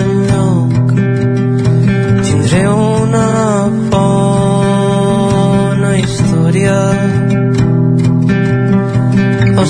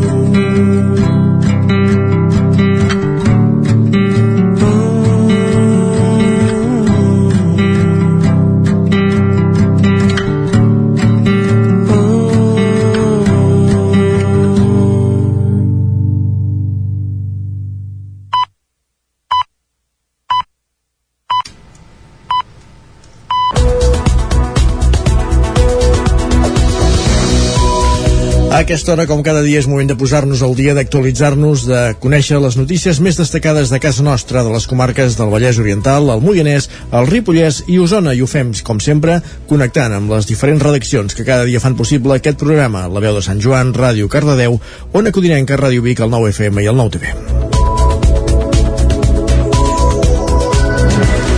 Una cafeteria de Caldes de Montbui denuncia atacs de Facebook per no deixar entrar sense passaport Covid. Van rebre desenes de valoracions negatives a la xarxa després de negar l'accés a dues persones. Caral Campàs, des d'Ona Codinenca. El passaport Covid està començant a generar conflictes en alguns comerços. Així mateix ho han viscut des de la cafeteria Gaudim de Caldes de Montbui, on van patir assetjament a través de les xarxes socials arran de denegar l'entrada per no comptar amb el passaport. El seu perfil de Facebook, Cafeteria Gaudim, va arribar a recollir una cinquantena de valoracions negatives en menys de 24 hores. Durant el pont de la Puríssima, dues persones van intentar entrar sense el passaport i se'ls va negar l'entrada. La seva resposta va ser pujada de to i els van dir que els arruïnarien el negoci. Sentim Sandra Redondo, filla de la propietària. Llavors, pues, els vam dir això i que va haver una mica de trifulca, vam muntar una mica la maranya, no? De, pues estáis comidos del coco, todo es anticonstitucional, Sí. i ja li van dir eh, que, que l'acusarien a, a denúncia per tal d'arruïnar-li el negoci, només pagant advocats que li arruïnarien el negoci. Des del local pensaven que la situació es quedaria en una anècdota, però va començar a arribar una pluja de valoracions negatives al perfil, on han passat de tenir 5 estrelles a només dues. Comentaris com em deixen al carrer com un gos pollós per no estar vacunada o discriminació vulnerant drets humans. Des de la cafeteria creuen que és un grup organitzat perquè els perfils des d'on es fan els comentaris són de gent que viu a llocs molt dispars de l'Estat. I si mires els comentaris d'aquesta gent ja Sí. veus que al círculo de amigos de no sé què de Alicante també els ha passat, totes les valoracions d'ells veus que deu haver-hi algun tipus de grup que són els mateixos que s'estan passant aquests bars que a més a més és això, que un és a Benidorm, l'altre és, al- l'altre és al País Basc i és en plan, si tenen molta mobilitat però no que... Els propietaris van intentar denunciar la situació a la mateixa plataforma de Facebook i als Mossos d'Esquadra, però no els han donat resposta. Les multes econòmiques per deixar entrar algú sense passaport o amb un de fals poden arribar als 60.000 euros. Les obres de l'Institut Escola de Sant Pere de Torelló van amb retard per culpa de l'augment de preu de les matèries primeres. L'Ajuntament s'ha vist obligat a modificar el projecte perquè cap empresa el vol executar.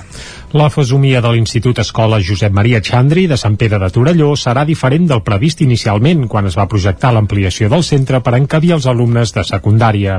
D'entrada serà 131.000 euros més car, ja que el cost total passarà d'1,3 a 1,4 milions i d'aquí ve la modificació de la partida que s'arrossegarà l'any vinent quan es preveu que s'iniciïn els treballs.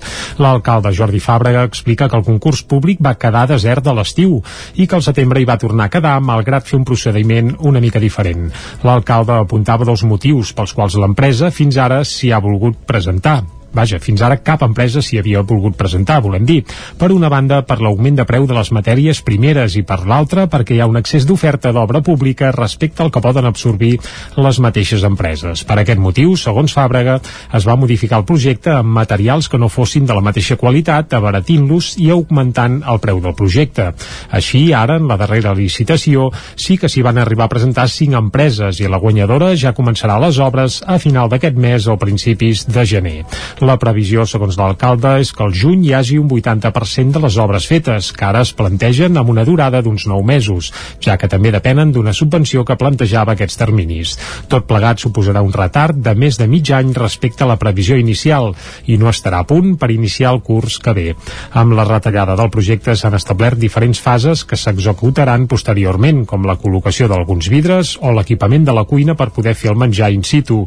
Pel 2022 ja s'han previst 50.000 euros més per posar-hi vitralls. Més qüestions. El cardedeuenc Marc Fígols, concursant del programa musical La Voz, omple la sala Sarau de Cardedeu en un concert acústic amb altres companys del programa. Núria Lázaro, des de Ràdio Televisió de Cardedeu. El músic cardedeuenc Marc Fígols ha participat a la darrera edició de La Voz a l'equip d'Alejandro Sanz.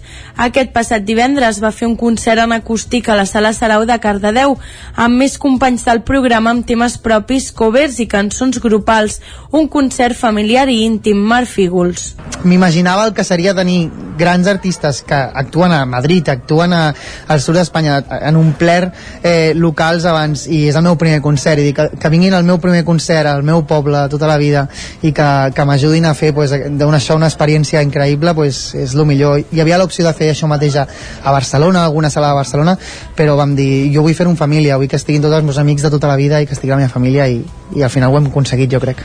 La idea és poder fer concerts als pobles dels altres concursants de la Voz i en breus en Marc estrenarà nou single que estarà disponible a totes les plataformes digitals. Can de Bànol inaugura una exposició de 115 pessebres d'arreu de Catalunya a la Torre de mossèn Tor. Isaac Muntades des de la veu de Sant Joan. Aquest dissabte a la tarda es va inaugurar la primera mostra de pessebres de Camp de Bànol a la Torre de mossèn Tor, una activitat impulsada per l'associació Camp de Bànol Cultura i Compromís. En total, l'espai acull 115 pessebres de totes les classes i mides, però en destaquen els 58 de la tercera planta de l'edifici, que són els que el grup excursionista Can Davano l'ha portat a dalt del cim de Costa Pobilla des de l'any 1963. Precisament, diumenge s'hi va portar el 59è pessebre, que també s'exposarà aquí quan es vagi a buscar el mes de febrer. Hi ha hagut fins a 8 encarregats de fer el pessebre, tanmateix el difunt Miquel Serrador és qui n'ha fet més, ja que va dissenyar-los des del seu inici fins a l'any 2006. L'últim fet per Eduard Roma té la forma del coronavirus amb el naixement de Jesús a dins. A la planta baixa i a la primera hi ha més d'una cinquantena de pessebres i diorames de pessebristes de Ripoll,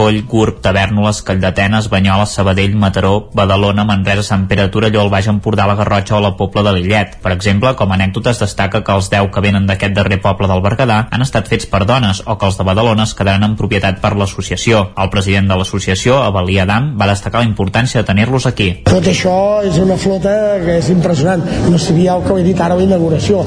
No es havia vist mai un escamot de, de pessebres, de diogrames, així. Haríem d'anar a Barcelona, haríem d'anar llocs grans a saborejar aquest, aquestes grans qualitats. Que jo vull convertir, si tinc salut i puc, Can Davano un dels millors llocs de cultura i art. Això ho tinc claríssim. I espero que la gent em faci costat. Eliseu Soler, que va fer 7 pessebres del GEC, també ha cedit a Dam un total de 6 pessebres de 30 per 30 centímetres, tot i que en un principi n'havia de dur la meitat. Això sí, la majoria dels diorames fan 80 per 80 centímetres i s'hi poden veure les escenes típiques dels pessebres com l'Anunciació, el naixement de Jesús o l'arribada dels Reis de l'Orient. Un dels pessebres més destacats és el d'Andrés Matilla de Ripoll, que és més gran que la resta i s'hi poden veure un molí o un mall funcionant gràcies a uns mecanismes i amb una il·luminació que s'aprecia més quan és fosc, a més d'un munt de cases i figures. També hi ha el pessebre Anem a Betlem de Vidal Oliver del grup pessebrístic de Manresa, que va ser cedit per la seva vídua després que morís. L'exposició hi serà fins al 27 de febrer i es podrà visitar els dissabtes, diumenges i festius tant al matí com a la tarda. Gràcies, Isaac. I a Manlleu, les festes de Nadal van associades des de fa més de 20 anys a la pista de gel que s'instal·la a la plaça Fra Bernadí. La instal·lació està operativa des de fa una setmana amb una bona arrencada d'afluència de patinadors. Es manté el format de l'any passat amb dues superfícies de 400 metres quadrats, però per ara sense les restriccions d'aforament que s'hi van haver d'aplicar el Nadal passat a causa de la situació sanitària. La plaça Fra Bernadí de Manlleu, com ha passat els últims 21 anys, torna a estar ocupada parcialment per la pista de gel durant les festes. És el gran reclam pel comerç de Manlleu en el marc del Bar de Nadal.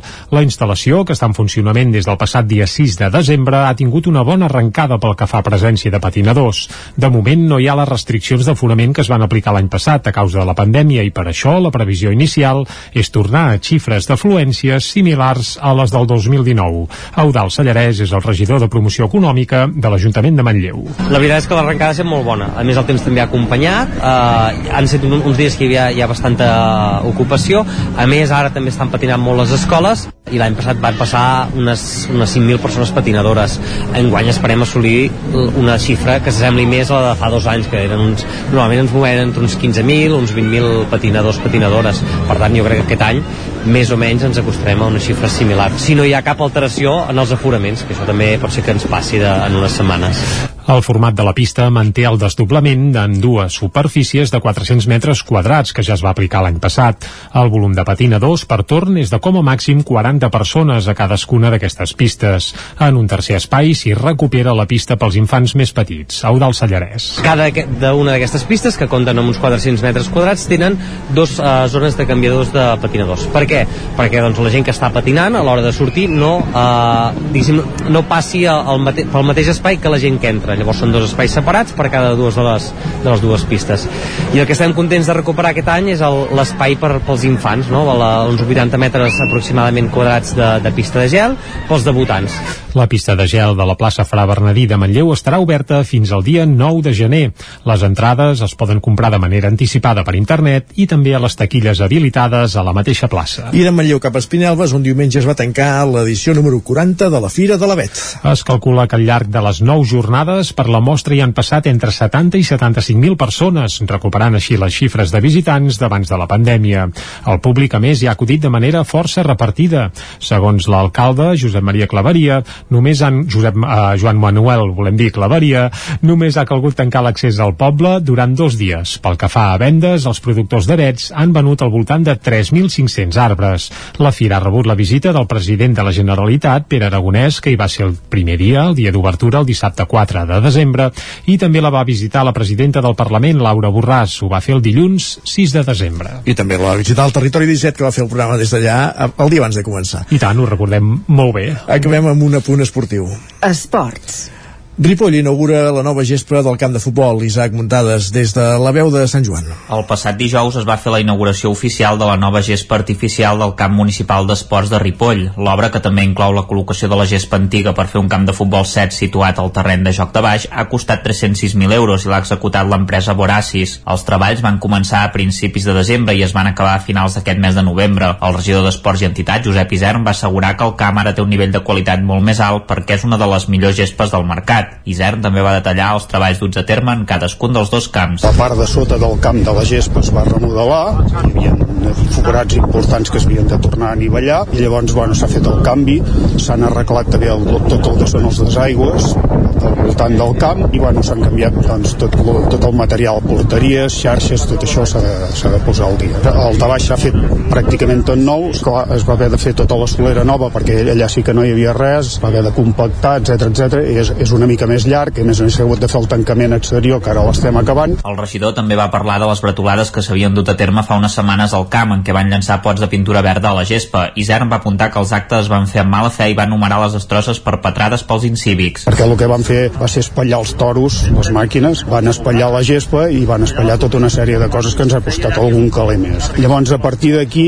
hi havia unes imatges que evidentment no es veu res, perquè són, són molt petites. Hem posat vigilància, portem tres caps de setmana amb vigilància nocturna, no ha aparegut ningú més i de moment bueno, estem sobre l'idea de qui pot ser, però bueno, no acabem de, de tenir-ho molt clar, però bueno, continuarem fins que, fins que passi alguna cosa. Quan se sàpiga qui són els responsables, els denunciaran i s'optarà per imposar-los una sanció econòmica d'entre 300 i 3.000 euros per entrar al camp o que paguin a través de treballs socials. Dissabte al matí, al terreny de futbol 7, es va jugar un partit entre el personal laboral del consistori i regidors contra jugadors del Ripoll i veterans. Abans se'n va fer un altre entre membres de la Fundació MAP. A més, va haver-hi una xocolatada per tothom. Gràcies, Isaac. Muntades, acabem aquí aquest repàs informatiu que començàvem a les 10, que hem fet també en companyia de Jordi Sunyer, Caral Campàs i Núria Lázaro. Moment de conèixer la previsió meteorològica.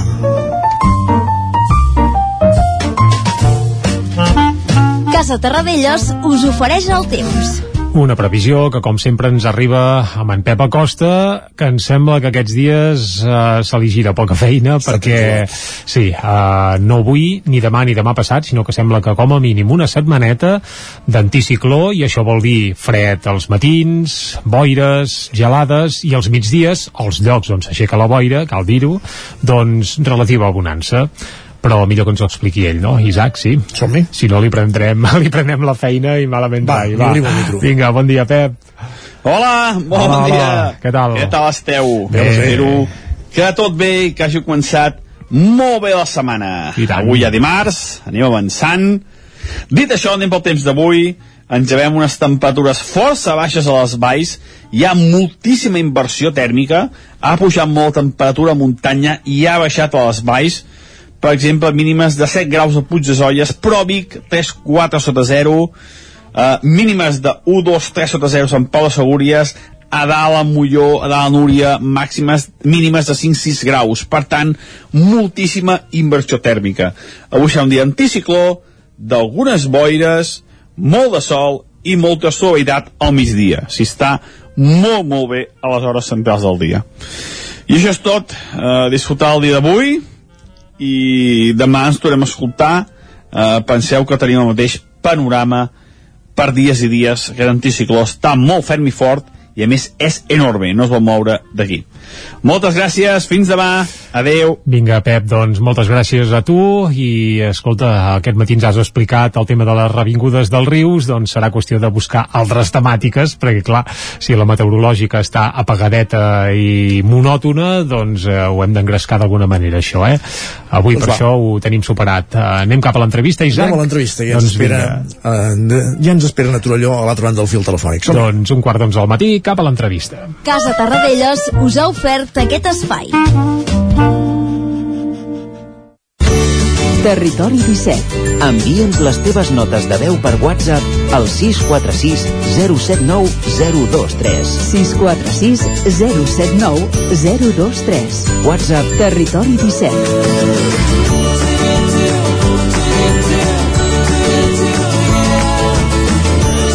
Territori 17. Som a Facebook, Twitter i Instagram amb l'usuari Territori 17.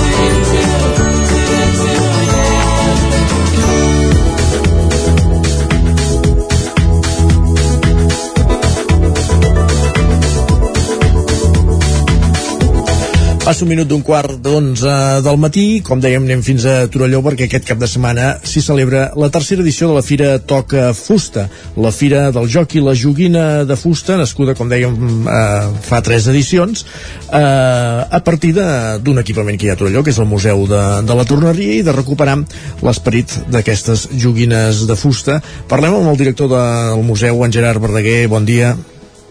Bon dia. Com estem, Gerard? Bé, de moment bé. Perfecte. Tot a punt per aquesta fira Toca Fusta que se celebra durant dissabte i diumenge en diferents espais de Torelló. Eh? Evidentment no només al museu, la gràcia és que, que surti l'activitat, que hi hagi activitat al carrer. Sí. Uh, bé, és la tercera edició d'aquesta fira i esperem doncs, que ens acompanyi el temps, que no faci massa fred, si pot ser que ens faci sol i que vingui molta gent a veure doncs, això, les parades que hi hauran de joguina de fusta, la ludoteca, els jocs gegants, eh, i que de pas també ens vingui a veure el teatre que fem al museu, que fem un espectacle nou que eh, és molt xulo i molt aconsellable per tots els públics. Estem parlant d'aquests retorns, en parlarem al final de, de l'entrevista. Abans parlem una mica de, de l'origen o de l'objectiu d'aquesta fira. La joguina de fusta és un producte dels tallers de, de torneria de, que hi ha a la Vall del Gès, ja de, de tota la vida.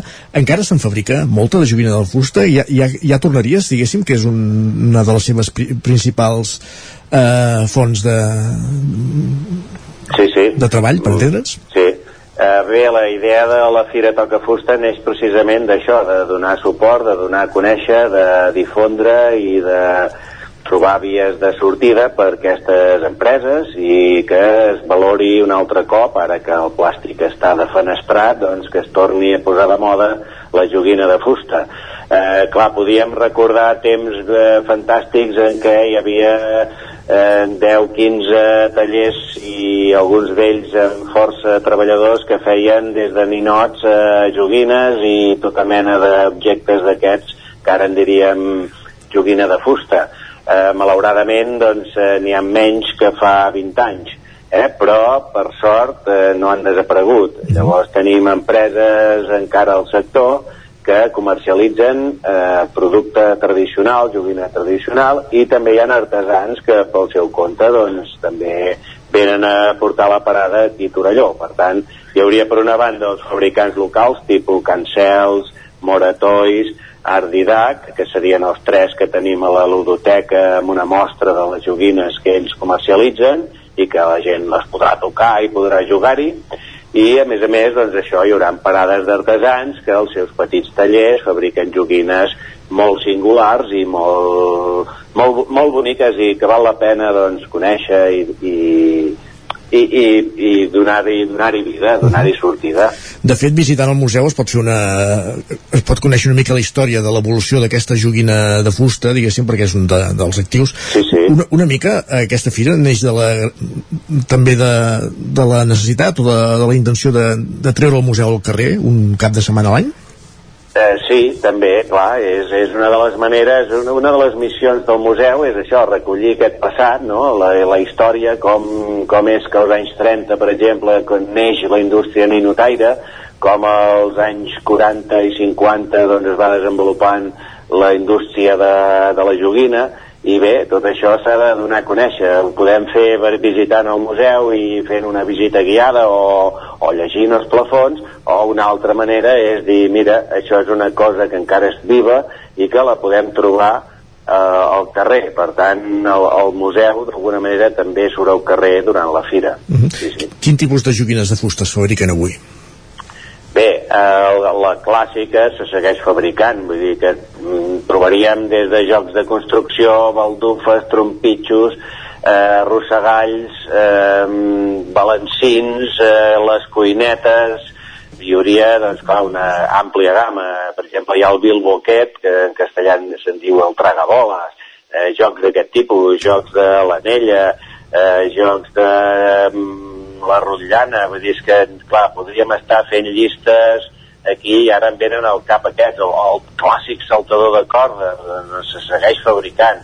Eh, els models, doncs, alguns van evolucionant. El típic cotxe de fusta petitet o un camionet, eh, cosetes d'aquestes, eh, eh, jocs de dòmino, jocs, inclús eh, ara em ve al cap un d'Ardidac, que és un joc matemàtic d'una pedagoga molt famosa que es diu Canals, i que és fantàstic per aprendre matemàtiques i es fa servir moltes escoles d'arreu del país. Mm. Per tant, eh, hi ha, cada un té la seva singularitat, eh? però clar, tindríem una amplíssima gamma no em vull descuidar els jocs d'escacs. Ara anava a dir, correcte. L'any passat va ser el boom de Gambito de Dama i va ser impressionant.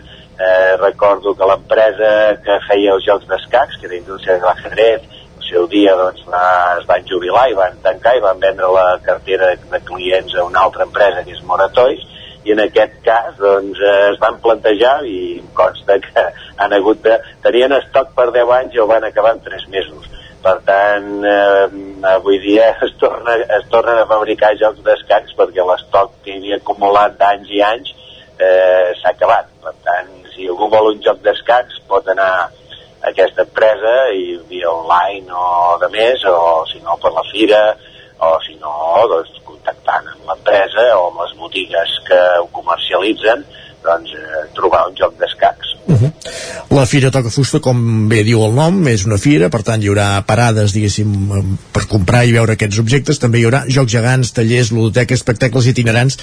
No sé si, Gerard, si ens pots fer un repàs al més sí, destacat d'aquesta de, sí, programació. Eh, bé, la roda de premsa la farem demà, però us avanço tot això i des del meu àmbit això és un, una programació transversal en diferents regidories de l'Ajuntament, per tant, des de comerç, des de cultura, des del museu, eh, hem fet cadascun des de joventut, eh, hem programat coses, per tant, tampoc eh, he programat jo totes les activitats, eh, si no se'm confongui, jo us puc mhm. explicar una mica tot, però mm, diguéssim, no en tanta profunditat com, com els tècnics de cada regidoria. A veure, a la plaça Nova hi haurien la, les botigues, les parades, els paradistes, alguns d'aquí, alguns de fora, que oferiran la venda de productes de fusta, d'acord? Llavors a la plaça de la Vila hi haurien aquests jocs gegants del projecte Recrea, que ja fa la primera edició es van estrenar i eren aquí a la plaça Els Torners, ara van pensar que era millor posar-ho a la plaça de la Vila i hi hauria aquests jocs gegants que són doncs això, tallers creatius que hem anat fent eh, en aquests, eh, crec que n'han fet dos i aquest segon doncs es podrà veure aquí i els del primer taller també per tant, són jocs eh, gegants que la mainada que vingui podrà accedir-hi i jugar. Després, aprofitant aquí la plaça de la Vila, també hi hauria demostració de torneria. Ja gairebé hem fitxat ja cada any el torner taradellenc Joan Casasses, que mm -hmm. té doncs, una mena de rolot taller ambulant i és fantàstic perquè doncs, donarem uns vals perquè els que vulguin un trompitxo i el vulguin pintar el puguin fer, per tant hi haurà demostració de torneria en viu i a més a més participatiu, que els, els nois i noies petits que vulguin el trompitxo se'l podran acabar pintant. I també a la ludoteca doncs, tindran aquesta opció de jugar amb els jocs. Hi haurà, hi haurà com l'any passat l'Arcadi Salada de Berga, un artesà que ens fa baldufes eh, baldufes i trompitxos i aquests els, eh, són una col·lecció per jugar, eh? Vull dir, per tant, allà podràs tocar-los, podràs jugar, no es podran comprar, això sí. Eh? I llavors tindrem els tres fabricants locals eh, que la gent que vulgui podrà accedir a la ludoteca, eh, no, no amb tanta dificultat com l'any passat per la Covid, que, que s'havia de registrar i demanar hora, en aquest cas, doncs, mirar que no estigui molt ple i si, si es pot accedir perquè no hi ha overbooking, doncs, eh, pues, podrà jugar amb els jocs d'Art Didac, amb els jocs de Cancels i amb els jocs de, Can, de Mora Vidal. I per rematar-ho tot, al final, eh, a la tarda tindríem l'opció d'anar al teatre. És el que anàvem a dir ara, tenim re, un minut i mig per parlar d'aquest espectacle que es va estrenar el cap de setmana, una coproducció del museu amb Teatre SL, amb Nàdia Passarrodona i Santi Carcassona, eh, que és una, una no, anava a dir, un espectacle que, que Sí. transcorre per als diferents espais del museu, eh? Exacte, aquí doncs per acabar de la jornada qui ja hagi visitat la fira al matí, doncs a la tarda, dissabte hi ha doble funció i diumenge també hi ha doble funció i, I també divendres ha una el divendres al vespre. Aquí has dit els balleri la ballarina la Nàdia Pessarrodona i faltaria l'Oriol Roca també que ve de Sabadell i sobretot el músic torellonenc que ha portat una bona part del muntatge amb la companyia Teatre i Cela, en Pep Tines i en Caco Prat, Llavors en Santi Carcassona, que ja és prou conegut, eh, i que ha Verge compost doncs, diverses Verge Santa, amb el O, o U, E, I, A i el Peix anteriorment, doncs aquest cop ha agafat i ha musicat poemes de gent com la Maria Mercè Marçal, Sergi Montserrallonga, Joana Raspall, Pere Quart, l'Ovidi Montlló, que fa una versió impressionant de la vida i que recomano escoltar-la eh, juntament amb les altres, perquè a mi m'encanten totes, i és un espectacle, això, molt gràfic, musical, poètic, dansat, eh, que no és una visita clàssica teatralitzada. Qui vulgui veure el museu ha de venir un altre dia, perquè està mig desmuntat i l'atretzo és per aquest espectacle que s'acaba aquest diumenge. Doncs ens ho Per tant, apuntem, ens ho apuntem sí, sí. Gerard. Uh, Se'ns acaba el temps. Gràcies per ser avui amb nosaltres, per repassar tant la Fira Toca Fusta com aquest espectacle, i que vagi tot molt bé. Fantàstic. Bon doncs dia. va, ens veiem. Adéu. El nou FM, la ràdio de casa, al 92.8.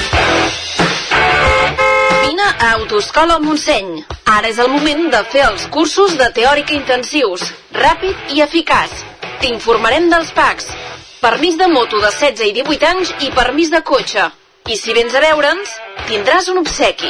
Apunta't i no t'ho pensis més. Per més informació, Autoscola Montseny, Rambla de Vallades, número 13 de Vic. Busca'ns a Instagram i Facebook. Autoscola Montseny us desitja unes bones festes.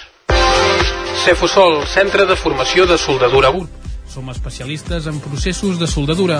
Disposem d'instal·lacions totalment equipades per classes de teòrica i pràctica amb cabines individuals i equipaments de seguretat. Assessorem empreses i oferim cursos subvencionats i bonificats. Vine i t'informarem. Cefusol, som al carrer Sant Roc número 21 de Gurb. Telèfon 664 206 192. També ens trobaràs a cefusol.com i a YouTube. A Can Xalant obrim un any més el nostre estudi per les vostres sessions de fotos de Nadal.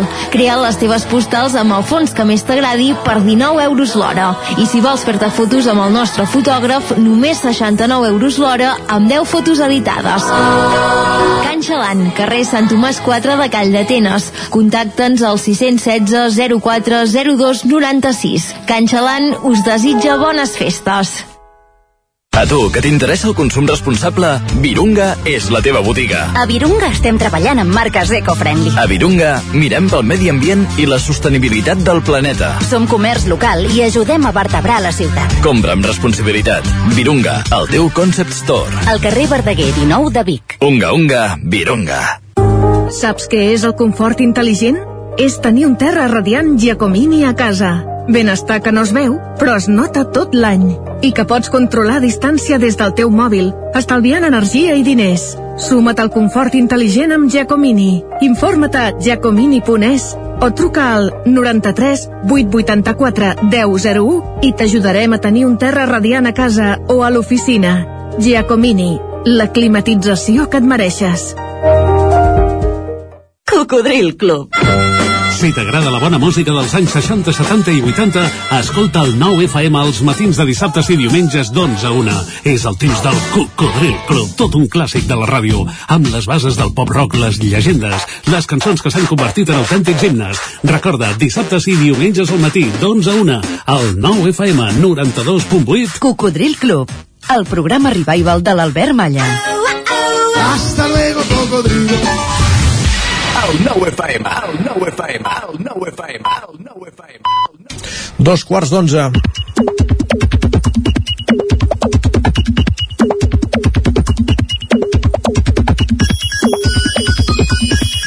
I a aquesta hora, com cada dia, aquí tenim a l'estudi amb en Jordi Sunyés, en Guillem Sánchez. Bon dia. Exacte, bon, bon dia, bon dia, Guillem, ja ets aquí. Ja estem aquí. Aniràs al Museu de la Torneria de Torelló a treure el cap aquest cap de setmana? És una opció, però em sembla que, bueno, jo com que cada, cada cap de setmana estic lligat amb tema futbol, haurem de trobar un raconet i no sé si li, si li trobaríem. Eh? Ara, pla, ets futbolista o... Per no, entrenador. Faig, entrenador. Faig de manaire, faig de manaire i, i dic el que s'ha de fer, per tant, gairebé no anem. Gairebé Doncs vinga, ja hem descobert, ja hem descobert una faceta nova d'en Guillem, però ara no ens parlaràs pas de futbol, sinó, o sí, no ho sé, perquè, escolta, ahir va haver un sorteig també relativament rellevant d'aquí una estoneta de Champions sí. Europa League, però no sé, les piulades per on aniran avui, va. Guillem. Avui, per intentar fomentar una mica l'ús del català, que n'hem parlat també aquests últims dies, perquè s'ha posat en marxa un joc conegut com a paraulògic últimament, no sé si n'heu sentit a parlar vosaltres. Ah, doncs jo no, eh? però l'Isaac veig que sí. Isaac, explica't, va, explica't. De què es tracta? De què es tracta, Isaac? Home, és un joc de, de trobar paraules. Et surten...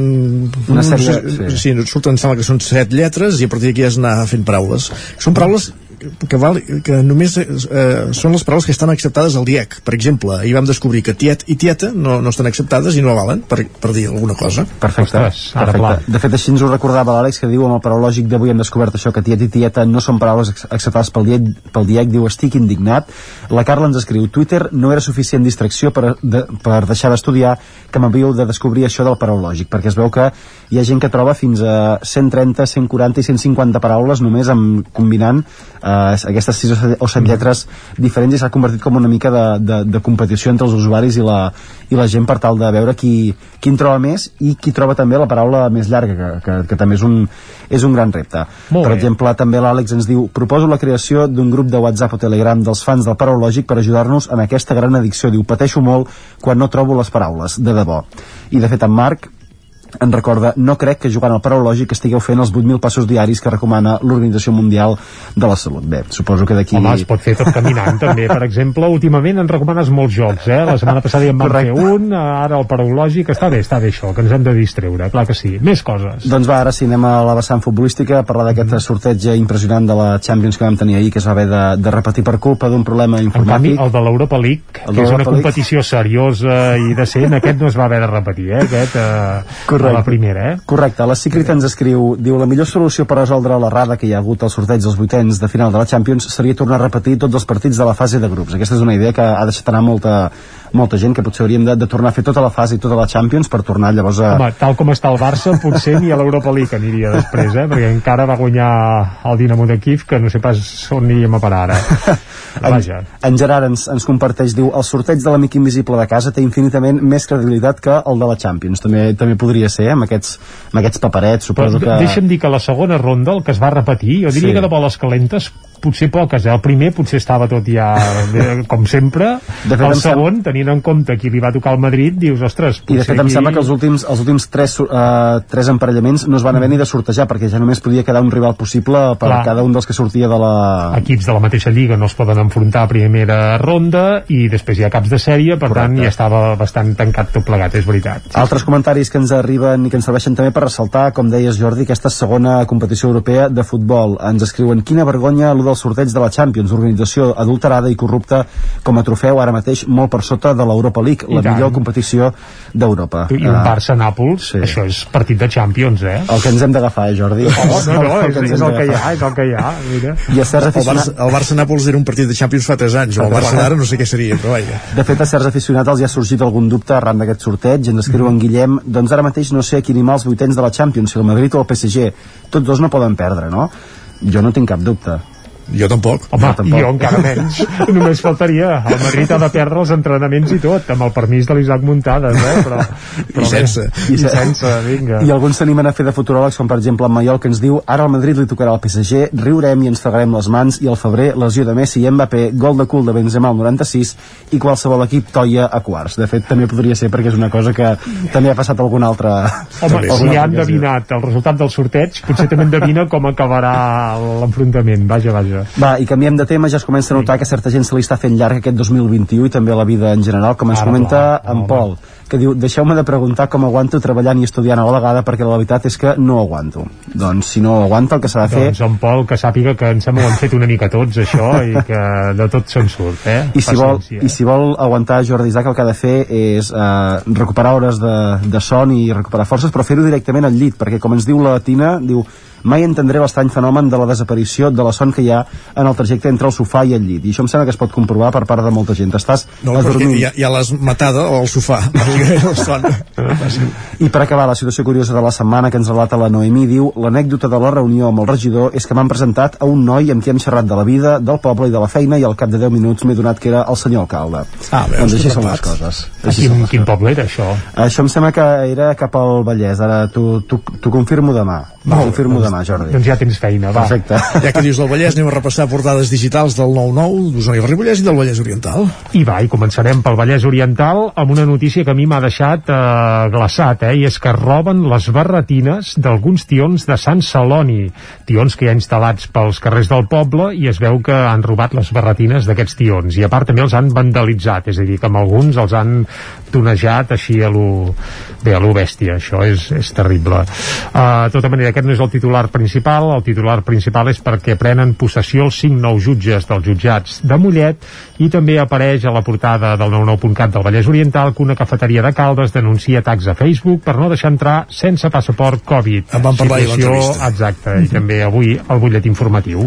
Anem cap al 99.cat d'Osona i el Ripollès, cobra explicant que Renfe recupera el tren blanc de la R3 una setmana després que se'n denunciés la supressió casualitats d'aquelles que passen de vegades. També apareix que la Generalitat fixarà un índex perquè la llet es pagui a un preu just i un relat de Jules Verne per primer cop en català traduït per David Serrat. També n'hem parlat avui al butllet informatiu aquí a Territori 17 i fins aquí el repàs a les portades del 99.cat. Gràcies, Jordi. Entrem a la taula de redacció. Anem-hi.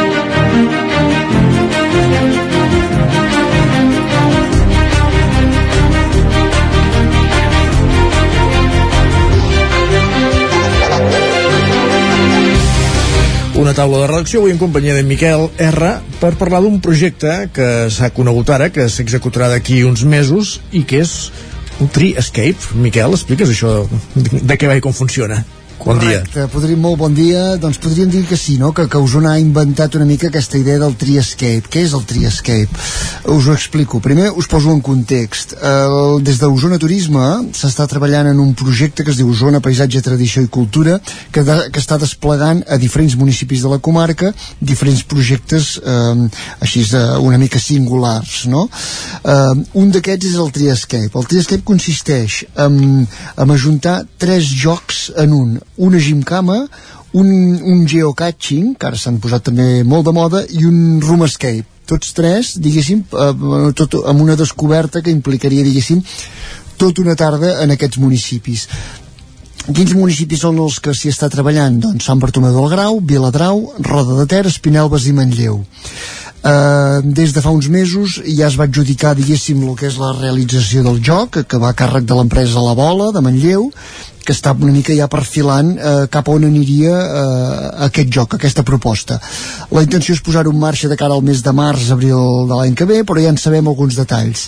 En què consistirà? Doncs cada un d'aquests tres jocs estarà ambientat en una temàtica, una temàtica relacionada doncs, amb, amb un fet històric, natural o llegendari relacionat amb aquests municipis. Per exemple, a Sant Bartomeu hi ha el tema dels avalots, que també n'han fet també marcat, eh, de la, aquests fets eh, protagonitzats eh, al segle XVII per, per Bernat Codina, a Viladrau, com no, serà el tema de les bruixes, a Roda girarà entorn de la figura de Miquel Martí Pol, Espinelves de, de, de, dels abets, eh, d'aquests arbres centenaris i autòctons, i a Manlleu una mica la temàtica de l'aigua, vinculat també al Museu del Ter.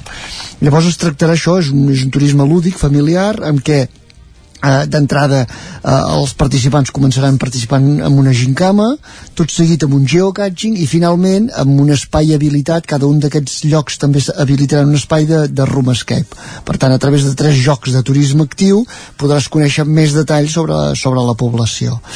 Mm, està preparada ja dic eh, l'activitat perquè duri un parell d'hores. 30 minuts la gincama 30 minuts el geocaching, geocaching i, el, i una hora l'escape room. Mm, els altres dos projectes que dèiem d'això, d'aquest projecte d'Osona Paisatge, Tradició i Cultura, és un projecte de miradors, eh, uh -huh. que mhm. aquests ja s'han començat a habilitar també, amb això ja implicats els municipis de l'Esquirol, Perafita, Sant Agustí, Sant Bartomeu, Sant Pere i Sant Quirze, i eh, un que encara està una mica més verd tot això ha d'acabar de completar durant tot l'any que ve d'una mostra d'art urbà que en aquest cas s'habilitaria als municipis de Sant Julià, de Prats, de Sant Bartomeu, de Manlleu i d'Alpens molt bé per tant eh, ja dic, hi ha, manera, hi ha moltes maneres d'anar coneixent la comarca. Eh, cada vegada estan sortint propostes així una mica singulars per captar un tipus de turisme doncs, més cultural o en aquest cas més actiu.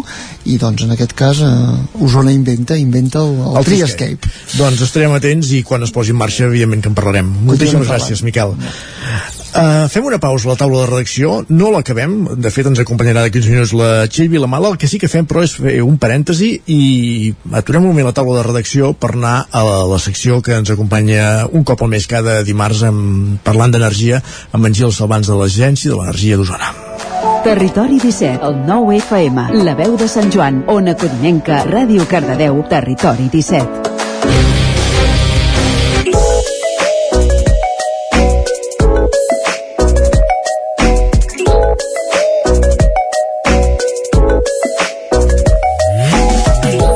Doncs com dèiem, parlem tot seguit d'energia, ho fem en companyia de Gil Salvans de l'Agència d'Energia d'Osona. Bon dia, Gil. Bon dia, Tac. Avui eh, és notícia que s'han publicat les subvencions de l'Institut Català d'Energia, de l'ICAEN, diguéssim, per, per finançar, per cofinançar diferents projectes, diguéssim, que, que fomentin l'ús d'energies de, renovables i, altre, i entenc que altres sistemes també, no?, energètics eh, nets, per entendre'ns. Així és, sí, finalment avui eh, a través del DOC s'ha publicat la convocatòria de les ajudes de subvencions per energies renovables que ja feia uns mesos que s'avisaven, que són un total de 116 milions d'euros, 112 sembla que són un total 112 milions d'euros eh, que ja són dels fons New Generation famosos, eh, uh -huh. que l'Estat, que la Unió Europea ha enviat a l'Estat i l'Estat els transfereix a les comunitats autònomes i en el cas de la Generalitat de Catalunya avui s'ha publicat el DOC eh, les bases ja les sabíem, ja havíem parlat algun dia, eren unes bases que estableix l'Estat, però avui ja s'ha obert la convocatòria, per tant, a partir de demà la gent interessada, les empreses, les persones, tothom pot fer sol·licituds d'aquestes ajudes. Eh, recordar sobretot que van per d'entrada. Per tant el primer que arriba segur que s'ho queda fins a exaurir aquests 112 milions d'euros que es distribueixen en diferents, en diferents línies, hi han sis línies en total en les subvencions, hi ha una línia primera que és per empreses, hi han cinc línies que van sobre l'autoconsum fotovoltaic, que és la, la que s'emporta la principal destinació, amb quasi bé, amb 100 i pocs milions d'euros, i després hi ha una que són les primeres cinc línies, i l'última línia, que és la 6, és per altres fonts energètiques, com deies, eh? és a dir, eh, temes d'aerotèrmia, biomassa, geotèrmia, també tenen unes petites subvencions, eh, en aquest cas a, a la línia 6. Uh -huh. I això, com deies, és per empreses i per particulars, I, ja per tot, eh? Ja per tot. Uh, com deia, en el cas de l'autoconsum, en el cas de les altres energies és per tots també, però sobretot en el cas de l'autoconsum, fotovoltaic eh, hi ha cinc línies, concretament hi ha la primera línia que és per empreses de serveis, és posar plac autoconsum per empreses de serveis, la, la, la línia segona és eh, per industrials i altres empreses eh, amb activitats econòmiques que no siguin empreses de serveis, que seria per tant tota la indústria petita, mitjana i gran, Uh, la línia 3 és emmagatzematge, és a dir, posar bateries en les dues línies anteriors, és en empreses de serveis i, i en indústries, i després hi ha la línia 4, que és la, la més important, perquè té una, un atorgament de 20, 32 milions d'euros, que és enfocada a domèstics, autoconsum en domèstics i administracions públiques i empreses del tercer sector. Per tant, uh, aquí animar a tothom que, que s'ho estigui pensant o que, o que ja ho tingui clar, o que ho hagi fet a partir de l'1 de juliol, en el cas dels particulars, que poden demanar aquestes subvencions -huh. i uh, tindran un cofinançament per fer la instal·lació. I finalment hi ha la, perdona, hi ha la línia 5, que és l'amagatzematge en cas de particulars. No, anava a preguntar fins a eh, quina part eh, financen, diguéssim, amb aquestes subvencions, financen aquestes subvencions. Quin Aquí- percentatge? Aquí hauríem d'entrar en detall de cada una d'aquestes línies que he dit, però en el cas dels domèstics, que és el més important, eh, ens financien eh, uns 600 euros per quilowatt que instal·lem, eh, en el cas de municipis de més de 5.000 habitants, els de menys són 655 euros per quilowatt, que és una mica més, això ve a ser un 30% de la- del cost de la instal·lació aproximadament. Cal tenir en compte que la majoria de municipis de la comarca, a més a més, tenen bonificacions de l'IBI per aquest tipus d'instal·lacions i, per tant, entre la bonificació de l'IBI i aquestes subvencions que han sortit, eh, tenim que una instal·lació d'autoconsum ens pot sortir entre un 50 i un 60% subvencionada. Per tant, és interessant eh, totes aquelles persones que, que ara s'ho estan pensant i, a més a més, tal com està el preu de l'energia elèctrica i tal com es preveuen els futurs per l'any que ve de l'energia elèctrica, aquestes instal·lacions ja surten a compte fer-les sense subvenció, si a més a més tens un, una aportació d'un 50-80%, eh, tot això ajuda. És un punt de partida per, la, per les cobertes fotovoltaiques principalment, no entenc? O, o hi ha altres tipus d'instal·lacions també? Sobretot, sobretot va molt encaminat a, a tema de, de coberta fotovoltaica. També és veritat que si poses a pèrgoles fotovoltaiques sobre pàrquings, etc també t'ho subvenciona i a més a més donen una mica més, eh? Subvenciona, interessa que també eh, cobrim espais a part de les taulades. Vull dir que ja n'hem parlat altres vegades, però amb el tema de la transició energètica, malauradament haurem d'ocupar totes les taulades amb vessants ben orientades, eh, altres espais eh, afectats per la mà de l'home. I a més a més eh, segurament alguns espais agrícoles i alguns espais naturals també els haurem d'afectar ja que no en farem prou amb les taulades que tenim. Uh, a, a partir d'ara doncs es poden anar demanant aquestes subvencions amb quin horitzó vosaltres treballeu? perquè anem veient aquest canvi de paradigma anem veient plaques a les teulades que les coses es va estenent perquè estem en un moment de, de, de canvi, de, de transició diguéssim, eh, que entenc que comencem tots plegats a entendre que, que, que s'ha de fer aquesta reversió, però que encara hi ha aquell pensament, no?, de "Ah, és que el paisatgísticament impacten, és que no sé què, no sé quant... Eh, aquesta cançó, quan l'anirem tombant, diguéssim? Jo crec que, jo crec que uh, avui es dispara el tret de sortida d'un canvi molt important. Jo crec que l'autoconsum s'ha disparat en els últims mesos i ara porta uns 5, 6, 7 mesos en, en estat de ralentir, en su mort, bàsicament per aquestes subvencions. És a dir, era una cosa que es disparava aquest any, sobretot el preu de l'energia elèctrica fa que, mm, si fas a fer números, és igual particular, empresa, petit PIME, etc. Qualsevol li surt a compte, el preu de l'energia elèctrica s'ha multiplicat per 3 en menys d'un any, per tant, eh, tot el que abans parlàvem de 9-10 anys d'amortització, ara són 5 anys d'amortització. I jo crec que l'any 2022 serà l'any on veurem moltes, moltes, moltes instal·lacions. Uh, faran falta mans, uh, falten industrials en aquest sector, és a dir, els, els empresaris del sector els hi falten, uh, uh, es crearan llocs de treball en aquest sentit, uh, i, i jo crec que l'any que ve serà l'any de canvi, és a dir, i hem d'anar fent pedagogia perquè mm, haurem de veure moltes plaques al territori, sobretot a les taulades, però també petits eh, camps eh, o, o camps solars distribuïts pel territori perquè hem de fer la transició energètica, si no ens, ens la faran. Avui mateix es publicava el BOE, com que les instal·lacions de grans camps solars aquí es van com paralitzar a Catalunya. Si, passar, si encara eren més grans que les que havien previst per aquí, que eren de més de 50 megas, això anava a través de, a través de Madrid. I ja aquesta setmana s'han publicat quatre grans extensions de parcs solars a través del BOE i a partir d'aquí sí que el BOE està per sobre la Generalitat i els ajuntaments. Per tant eh, avui es publicava un macroparc em sembla que era de 200 hectàrees ai, de, sí, de 200 hectàrees eh, a la Conca de Barberà i anava directament per BOE. Per tant ni Generalitat ni ningú hi podia dir res. Per tant animar tothom a fer la transició a, a casa seva, a posar-se plaques, a casa seva la seva indústria, el seu comerç. També aquestes ajudes encara donen més subvenció si són instal·lacions col·lectives, és a dir, aquells blocs de pisos que pensi que vulguin fer una instal·lació col·lectiva també són òptimes per, en aquestes subvencions. Eh, hem de saber que a dia d'avui ja podem posar plaques sobre un bloc de pisos i repartir l'energia que produeixin entre tota la gent que viu en aquest bloc. Uh -huh. Per tant, també animar aquelles persones que ens sembla com que estem en un bloc de vivendes no podem fer-ho, a, a, a estudiar-ho i participar-ho. Sé que ja comença a haver alguns projectes a Vic, a Manlleu, ja en tenim un d'instal·lat a Sant Julià, Uh, per tant també animar a, a, a tothom a participar en aquesta tran- transició energètica perquè si no la fem nosaltres ens la faran I anava a preguntar, totes aquestes comunitats energètiques que, que es van creant a la comarca també seran beneficiàries d'aquestes subvencions, entenc. Així és, sí, sí, una, una de les línies que estem treballant impulsant des del Consell Comarcal i, i que ja ha anat sortint a diferents municipis és el tema d'impulsar les comunitats energètiques. Eh, eh, com sabeu, ja n'hi ha quatre de creades, la Sant Pere de Torelló, Balanyà, Olost i Santa Eulàlia Riu Primer. La setmana que ve crec que es funda la, o, o es- es- s'escriptura la comunitat energètica Sant Julià de Vilatorta, ahir em sembla que va fer un pas endavant la de Taradell, per tant, comencem a tenir un nombre important de comunitats energètiques i elles també eh, poden apuntar-se en aquestes subvencions. Sé que la, la, en el cas de Sant Pere, Balanyà i Olòs ja, i Santa Eulàlia de Riu Primer també ja tenen projectes preparats per presentar-los en aquestes subvencions. Uh -huh. Aquests darrers dies he tingut l'ocasió de, de voltar per, per les Espanyes, per, per l'Aragó, per Castella-La Manxa.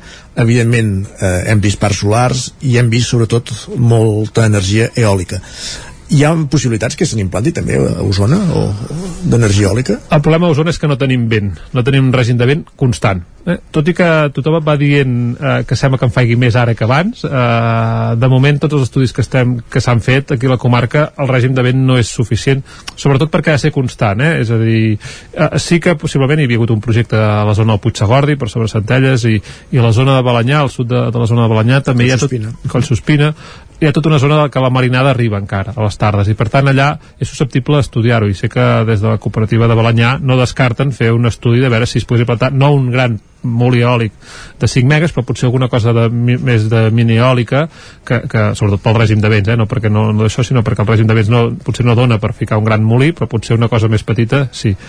Cal tenir en compte com apuntes, eh? l'eòlica serà un dels grans pesos per fer la transició energètica, l'eòlica terrestre i l'eòlica marina. Ens haurem d'acostumar a que un seguit de platges del nostre, del nostre entorn eh, uns metres, uns quants centenars de metres endins veiguem eh, molins, que els veurem petits des de la platja, perquè és una de les energies l'eòlica marina és de les poques que és bastant, bastant constant de les renovables. Eh? És el gran problema de les renovables és que són eh, irregulars i en canvi l'eòlica marina és de les més regulars que hi ha. En països com Dinamarca, fins i tot Alemanya, etc estan apostant com la principal eh, font renovable sigui aquesta.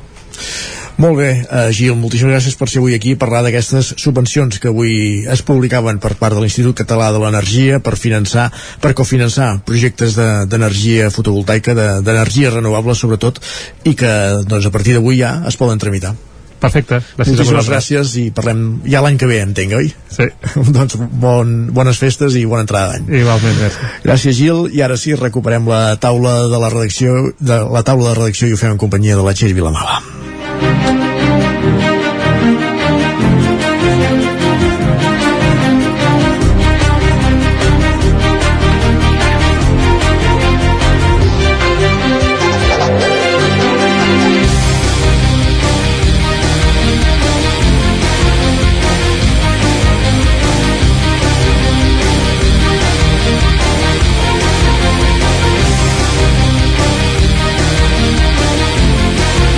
Com dèiem, després d'aquest parèntesi, recuperem la taula de redacció, on hem parlat, hem parlat abans amb en Miquel R, ara ens acompanya la Txell Vilamala. Txell, bon dia. Bon dia, Isaac. Per parlar d'aquesta iniciativa de l'Ajuntament de Manlleu de donar nous usos, usos, usos socials, en aquest cas a les dutxes de la piscina municipal. Exacte, l'Ajuntament de Manlleu té previst obrir ja aquesta mateixa setmana els vestidors de la piscina municipal descoberta, la piscina municipal d'estiu, per entendre'ns, eh, perquè en facin ús famílies que han detectat que no tenen aigua calenta a casa eh, i que per tant viuen en una situació de pobresa energètica. Segons ens explicaven des de l'Ajuntament, concretament el regidor de Promoció Social i Personal, en Pere Comte, a través de les direccions de les escoles han detectat que hi ha alguns infants que han disminuït els nivells habituals d'higiene, de neteja, eh, coincidint això amb l'arribada d'aquestes setmanes de, de més fred. És per això que l'Ajuntament doncs, ha decidit eh, posar a disposició d'aquestes famílies els vestidors de les piscines d'estiu. Ara ja estaven acabant de fer reparacions eh, per un tema de calefacció, però la idea és que ja aquesta mateixa setmana doncs, en puguin fer ús aquestes persones. Actualment s'està fent l'avaluació de quanta gent eh, cal fer extensiva aquesta oferta, ja que l'equip de govern sospita que es tracta de persones que viuen en habitatges ocupats il·legalment i que és probable que tinguin donat serveis com l'aigua, la llum, eh, però que no sigui el cas de, del gas natural, que és majoritàriament la font que s'utilitza per, per escalfar. Llavors, eh, estan en aquesta situació, ens deien que també pot servir, eh, malauradament, aquesta circumstància, doncs, perquè aflorin casos de persones que necessiten ajuda de serveis socials i que fins ara no estaven a dins del circuit i que per tant és una oportunitat doncs, per passar a acompanyar aquestes famílies, tot i que la situació de serveis socials és també complicada tant per un tema pressupostari com perquè ara mateix a l'equip de l'Ajuntament de Manlleu hi ha bastantes baixes, per tant es combinen, es combinen diversos factors. A més a més també es dona la circumstància que aquests dies la, el consistori manlleuenc està resolent les ajudes per pagar les factures dels subministraments i ens deia l'alcalde Àlex Garrido que han pujat les peticions eh, respecte a altres anys. Passa el mateix gairebé tots els municipis eh, d'Osona. Hem fet la radiografia des del 9-9, per exemple, a Torelló, eh, respecte abans de la pandèmia, el nombre de sol·licituds també ha crescut un 31%, o passa el mateix a l'Ajuntament de Vic, amb un increment d'entre el 25 eh, i el 30%. A més a més, el que ens expliquen els regidors que estan al davant d'aquestes àrees és que es troben amb persones que abans mai havien fet ús d'aquests serveis socials dels ajuntaments i per tant que per al motiu que sigui els ha canviat la situació personal, econòmica, familiar i ara han de, han de recórrer, han de trucar aquesta porta. Recordem que des de l'any 2015, quan eh, la Generalitat va aprovar la llei 24 barra 2015, els, tots els ciutadans estem protegits eh, en situació de vulnerabilitat econòmica davant dels talls que puguin eh, fixar les companyies doncs, això d'electricitat, d'aigua o de gas. Hi ha una llei que ens protegeix i l'únic que cal fer si rebem avisos reiterats de que ens estan a punt de tallar aquests subministraments doncs és posar-nos en contacte amb el nostre Ajuntament i que a través de serveis socials es pugui fer un informe i acreditar que hi ha una situació d'això de manca de diners per poder pagar les factures. Però la idea seria que ningú eh, hagués de passar un fred extrem a casa doncs al llarg de, al llarg de l'hivern. És una situació complicada eh, també en vam parlar amb Janina Nuño, que és la coordinadora de l'àrea de l'àrea bàsica de serveis socials de la Mancomunitat La Plana, que assegurava això, que de pobresa energètica cada dia n'hi ha més i que això que ha fet Manlleu eh, es pot anar repetint en altres municipis. De fet, alguns de la Mancomunitat La Plana en altres moments i puntualment també havien, havien obert les dutxes dels pavellons per casos de famílies en situació de, de pobresa energètica. Des del punt de vista d'ella, de, d'aquesta tècnica, ens explicava que les famílies amb dificultats prioritzen abans pagar l'habitatge, diguem, el lloguer o si fos el cas l'hipoteca, eh, que el subministrament. Llavors això fa que vagin acumulant un deute que es va fent gran, que es va fent gran i que a vegades pot arribar a superar els 3.000 o els 4.000 euros, que si ja és una persona que està en situació de dificultat econòmica, doncs són uns diners... Són és una suma molt important i és difícil després de, de poder-los retornar. Al Ripollès la situació és, és bastant calcada, eh, a veure com funciona aquesta mesura de Manlleu, també s'hi pot servir de taca d'oli doncs, per inspirar altres municipis si detecten que és una necessitat també en el seu cas i al final això, si podem garantir que dins de les circumstàncies de cadascú doncs, hi hagi un mínim de confort per passar aquests mesos de fred Uh -huh. més intens. I això com funciona? Hi ha uns horaris? És a dir, entenc que t'has d'anar a inscriure, com deies, a serveis socials, però i, i el funcionament llavors quin, quin és? Ho estan acabant de definir des de l'Ajuntament, però la idea és que serà el mateix consistori que intentarà trucar a les famílies eh, que consideri que es poden adherir eh, a aquesta oferta. Sí que és veritat que, com que comentem, eh, que algunes pot ser que no estiguin dins del circuit que té controlat l'Ajuntament, eh, en funció de com es parli amb les famílies que sí que en facin ús o de quins noms puguin donar, doncs llavors s'ampliaria aquest servei. Uh, és això que comentem. Ho estaven acabant de definir, nosaltres també insistíem a saber la quantitat de persones que creuen que podrien fer-ne ús, però de moment no, no la tenien clara encara. Uh -huh. I, en, I en quin calendari treballem? Entenc que això ho han de resoldre en poques Aquesta setmanes. mateixa setmana ha de- ha d'entrar en servei, per tant avui som dimarts, uh, divendres insistirem per saber si, si efectivament ha funcionat així. Perfecte, doncs moltíssimes gràcies Txell per acostar-nos a aquesta realitat en aquest cas de, de Manlleu, que com dèiem obre, obriran les dutxes a aquelles persones doncs, que no tinguin sistema de d'aigua calenta segurament a, a casa per poder cobrir les necessitats bàsiques d'hi- d'higiene. Gràcies, Isaac. Bon dia.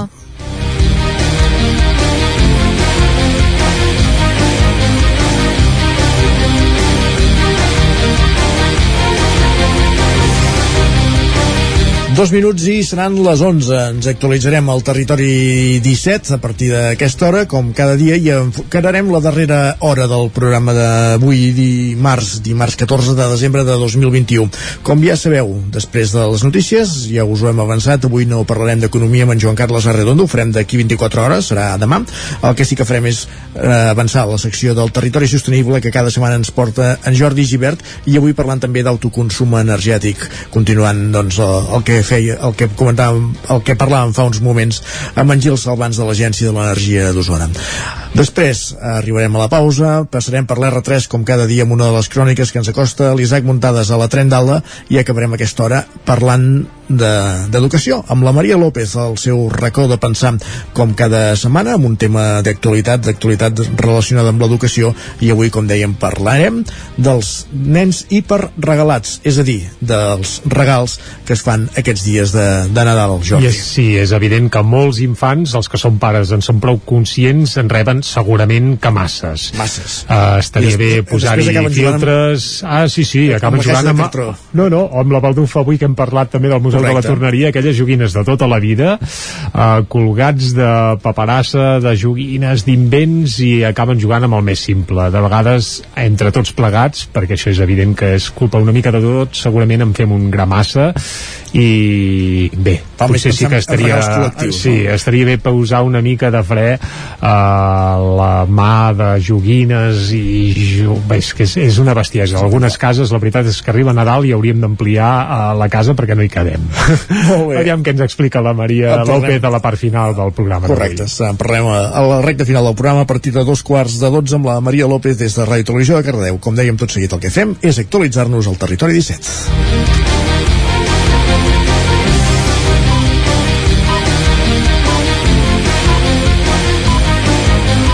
Ho diuen els senyals horaris, són les 11. Eh, més notícies a la sintonia del Territori 17. Territori 17, amb Isaac Moreno i Jordi Sunyer.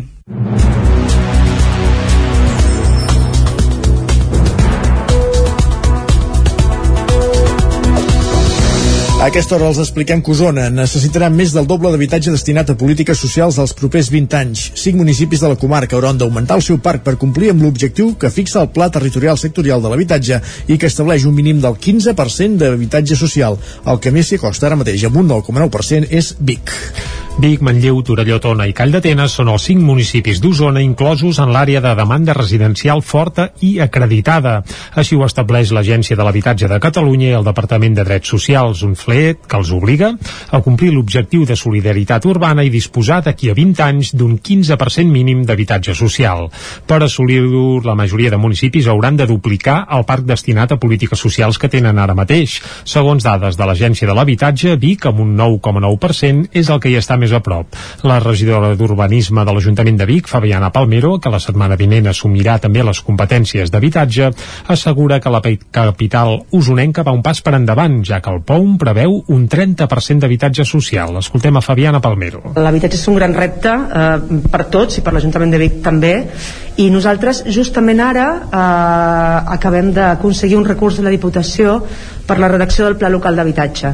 Aquest Pla Local d'Habitatge el que farà és eh, aprofundir en això que vam començar en el POUM, que era la memòria social del POUM, no? que explicava una mica eh, què volíem aconseguir amb l'habitatge social, com està distribuït aquest habitatge social en tota la ciutat i això en el POUM està concebit d'una manera concebut d'una manera que estigui ben distribuït i repartit en tota la ciutat.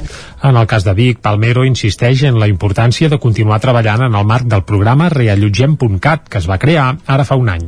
Llavors tenim ara el programa Reallotgem de la, de la Generalitat que també és molt important, que és aquestes persones que estan a punt de desnonar-les que eh, la Generalitat ara eh, signa un acord amb els propietaris per eh, tornar a admetre diguem, aquesta gent a punt d'estar desnonada i a canvi d'això la Generalitat paga el lloguer directament al propietari eh, per un període de 3 o 5 anys Manlleu, en canvi, és un dels cinc pobles de la comarca d'Osona amb un percentatge d'habitatge social més baix, una situació que des de l'Ajuntament esperen revertir a principis de l'any que ve amb la posada en marxa de l'Oficina Local d'Habitatge. Rafa Cuenca és el regidor d'Habitatge de l'Ajuntament de Manlleu. Nosaltres pensem que és el catalitzador eh, important per poder doncs, eh, començar doncs, a fer eh, a dinamitzar per exemple la, la borsa de, de lloguer assequible a treballar, per exemple, el programa de reallotgem.cat amb la Generalitat de Catalunya, ha fet tot un seguit de polítiques que sense aquesta, eh, aquest esforç de recursos humans que no teníem, que no disposàvem, doncs no, no podíem fer. Tot i això sí que hem anat fent, hem anat comprant habitatge, El pla territorial sectorial de l'habitatge també inclou Centelles, Taradell i Mollà com a àrees preferents. En el seu cas, l'any 2042 haurien d'assolir un 2,8% d'habitatge de lloguer social. Publiquen El País de les Pells de Jules Verne per primer cop en català. Qui n'ha fet la traducció és el geòleg i exrector de la Universitat de Vic, David Serrat. A l'escola de Sant Joan de les Abadesses, on cursava estudis primaris, David Serrat ja era un dels alumnes que treia més bones notes. Com a premi, un any li van regalar una novel·la de Jules Verne, El País de les Pieles, un, en una edició en castellà que encara conserva i que té la dedicatòria del governador civil de l'època. Va ser el seu primer contacte amb aquest relat i amb l'escriptor francès, un clàssic de la literatura mundial d'aventures i pare del gènere de la ciència-ficció. Quan Serrat va deixar el càrrec de rector de la Universitat de Vic i abans de tornar a les classes de geologia, en un any sabàtic va recuperar aquell vell llibre que el va tornar a seduir. Però ara ja no ho va fer des de la perspectiva d'infant, sinó la de científic. El sorprenia la capacitat extraordinària de Verne d'incloure amb tot rigor en la novel·la uns coneixements que eren molt nous per la seva època. I aprofitant el seu domini del francès, Serrat es va posar a traduir la novel·la, que finalment ha vist la llum publicada per Ediciones Paganel. L'edició inclou les il·lustracions originals de l'època, cedides en aquest cas per la Societat Jules Verne de París, que gestiona el llegat i els drets del novel·lista a tot el món. David Serrat està treballant ara en una altra traducció de Verne. Es tracta de la novel·la Les Índies Negres i en aquest cas fa referència a les mines de carbó que hi ha a Escòcia. L'autor de novel·les tan conegudes com 20.000 llegües de viatge submarí, Viatge al centre de la Terra o De la Terra a la Lluna té ara dos nous títols en català.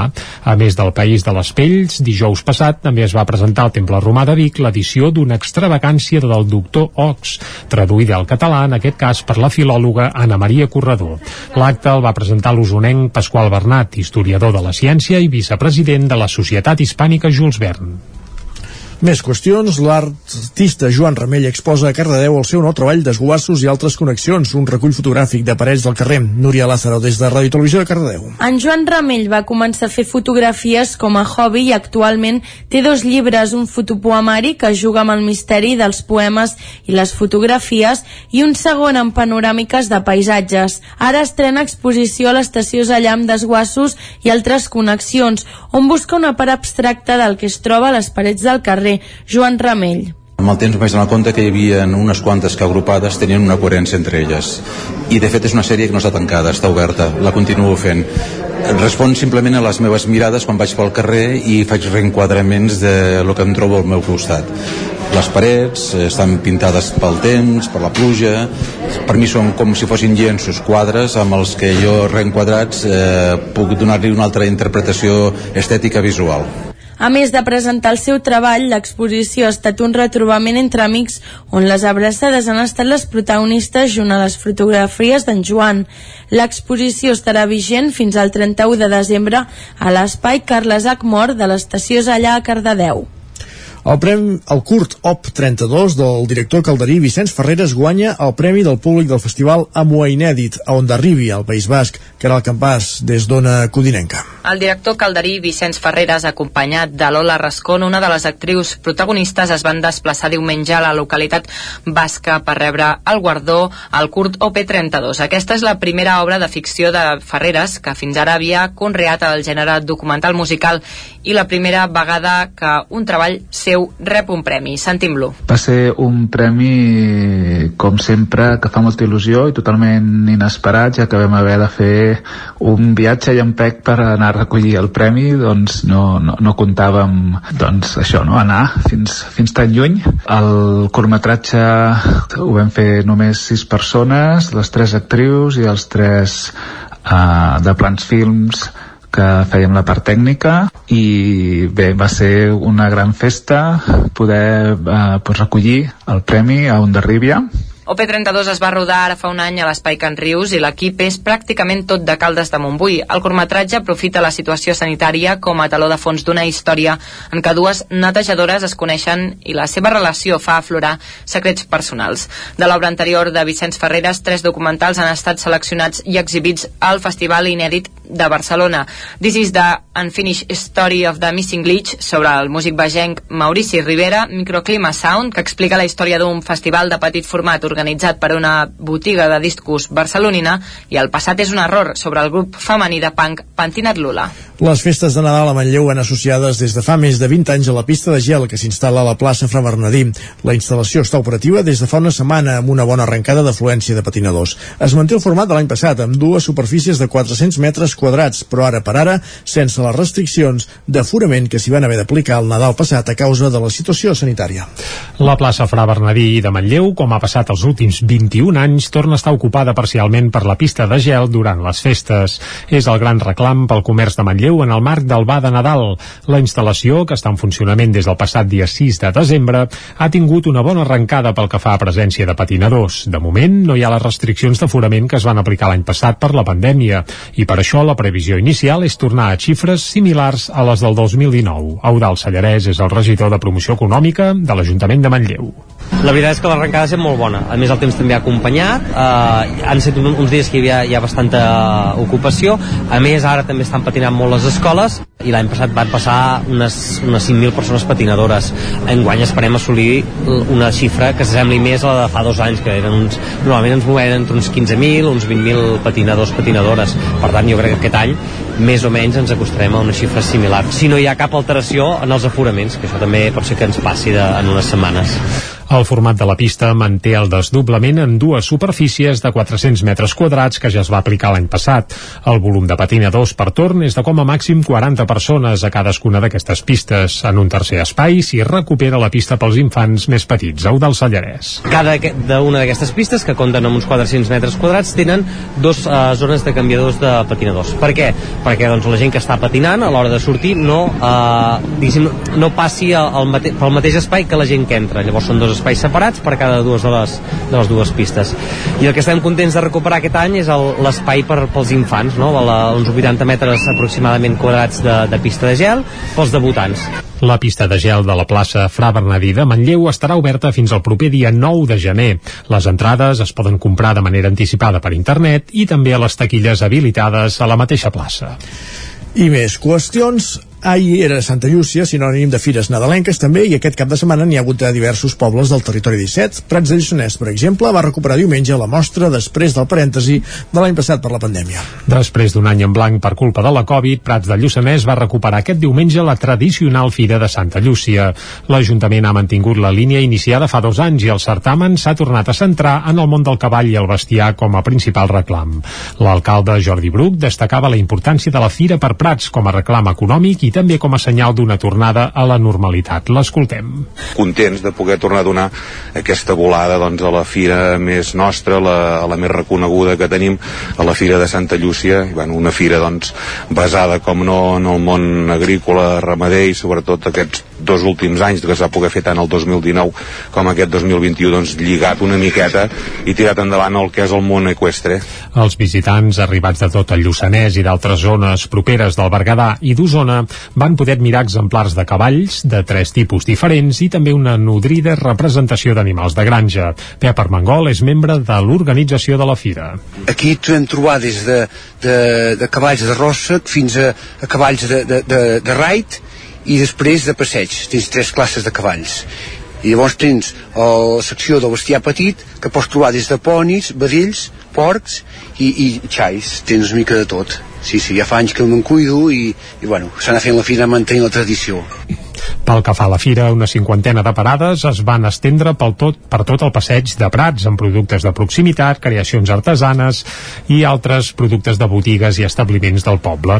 A més de l'oferta comercial, la Fira de Santa Llúcia es va completar amb una farcida agenda d'actes culturals i demostracions de traça amb maquinària agrícola i forestal. Gràcies, Jordi. Acabem aquí aquest repàs informatiu que començàvem al punt de les 11 en companyia també de la Caral Campàs, de la Núria Lázaro i de la Isaac Muntades. Tot seguit, una petita aturada al relat del territori 17 per endinsar-nos al territori sostenible des d'Ona Codinenca amb en Jordi Givert i avui dedicat també a les energies renovables.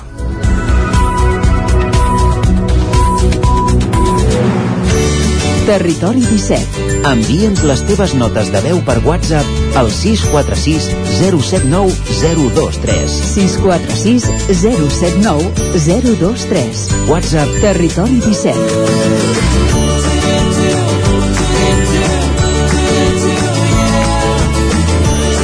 Territori 17. Som a Facebook, Twitter i Instagram amb l'usuari Territori 17.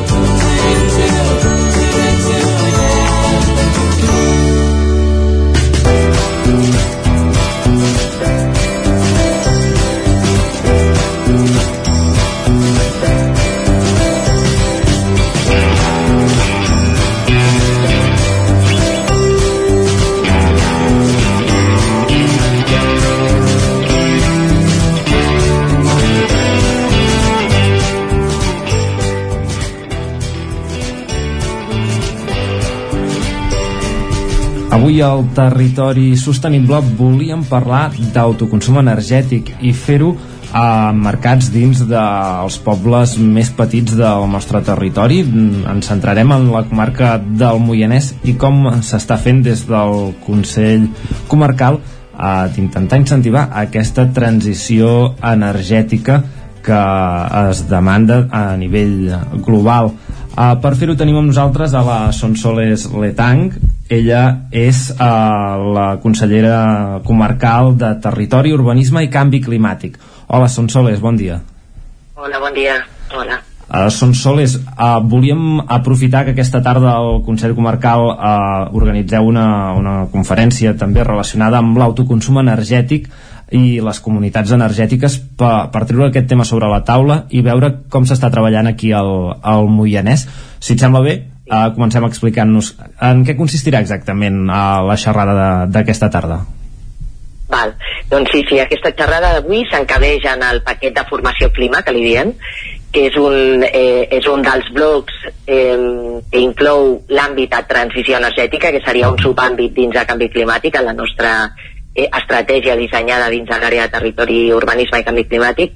Llavors, aquesta formació eh, seria la segona que fem de la formació Paquet Clima, que li diem, eh, que va dirigida a ciutadania, bàsicament a ciutadania per eh, donar els conceptes claus en autoconsum energètic, eh, abastit amb energies renovables i comunitats energètiques locals. Uh -huh. Clar, actualment eh, hem vist que s'està fent feina des dels ajuntaments per fer aquesta transició energètica i ho veiem molt focalitzat en, en els equipaments públics eh, per exemple la setmana passada a Santa Maria d'Olors s'instal·laven unes plaques solars uh, i està passant en diferents uh, municipis de, del poble a, a nivell de, de comunitats i a nivell individual quins recursos existeixen perquè la gent pugui uh, fer aquesta transició? Sí, doncs a nivell individual eh, un pot fer eh, et pot, es pot col·locar instal·lacions eh, de producció d'energia renovable per fer autoconsum o bé també per fer autoconsum i derivar a la xarxa, és a dir, podria ser totalment independent de la xarxa o bé de la xarxa elèctrica o bé eh, derivar els excedents eh, a la xarxa i poder gaudir a la xarxa en, en moments de, de, baix, de baixa producció de, de les instal·lacions de renovables, però també eh, és possible fer eh, comunitats energètiques locals que mm, en, a data d'avui, mm, tal i com està recollit en normativa, el preferible és fer comunitats energètiques locals participades eh, diguéssim, també per les entitats eh, locals, per les, pels ajuntaments. Uh -huh. És a dir, eh, per exemple, diria que és a Sarrià de Ter o a Cornellà de Ter, ara no estic segura, n'han fet una, que són eh, és una comunitat energètica eh, feta a partir d'instal·lacions de renovables col·locades en equipaments públics, però participades amb ciutadania. Uh -huh. eh, amb tot, és possible fer comunitats energètiques locals eh, totalment privades uh, aquestes comunitats uh, energètiques uh, diguéssim uh, entre amb la participació d'ajuntaments o d'institucions i, i comunicats locals uh, s'està plantejant aquí al Moianès de, de tirar-ho endavant? Sí, sí, sí.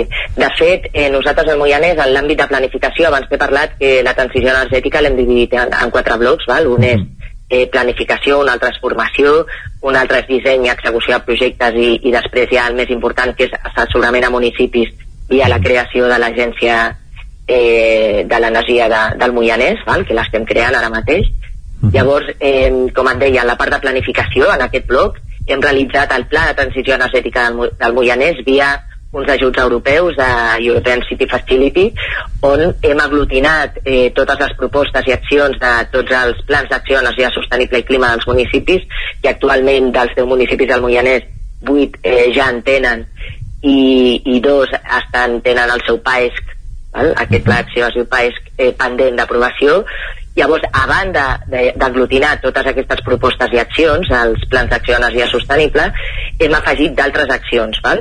Entre, entre aquestes accions tenim les comunitats energètiques locals en equipaments municipals que poden ser participades per ciutadania. Uh -huh. Llavors, eh, a banda d'això, tenim més xarxes de calor abastires amb biomassa, eh, també hem, hem fet eh, doncs, l'estudi d'anàlisi eh, d'instal·lacions en agrivoltaic, és a dir, per poder afavorir la renda agrària, uh -huh. eh, via doncs, ingressos per la venda i producció d'energia.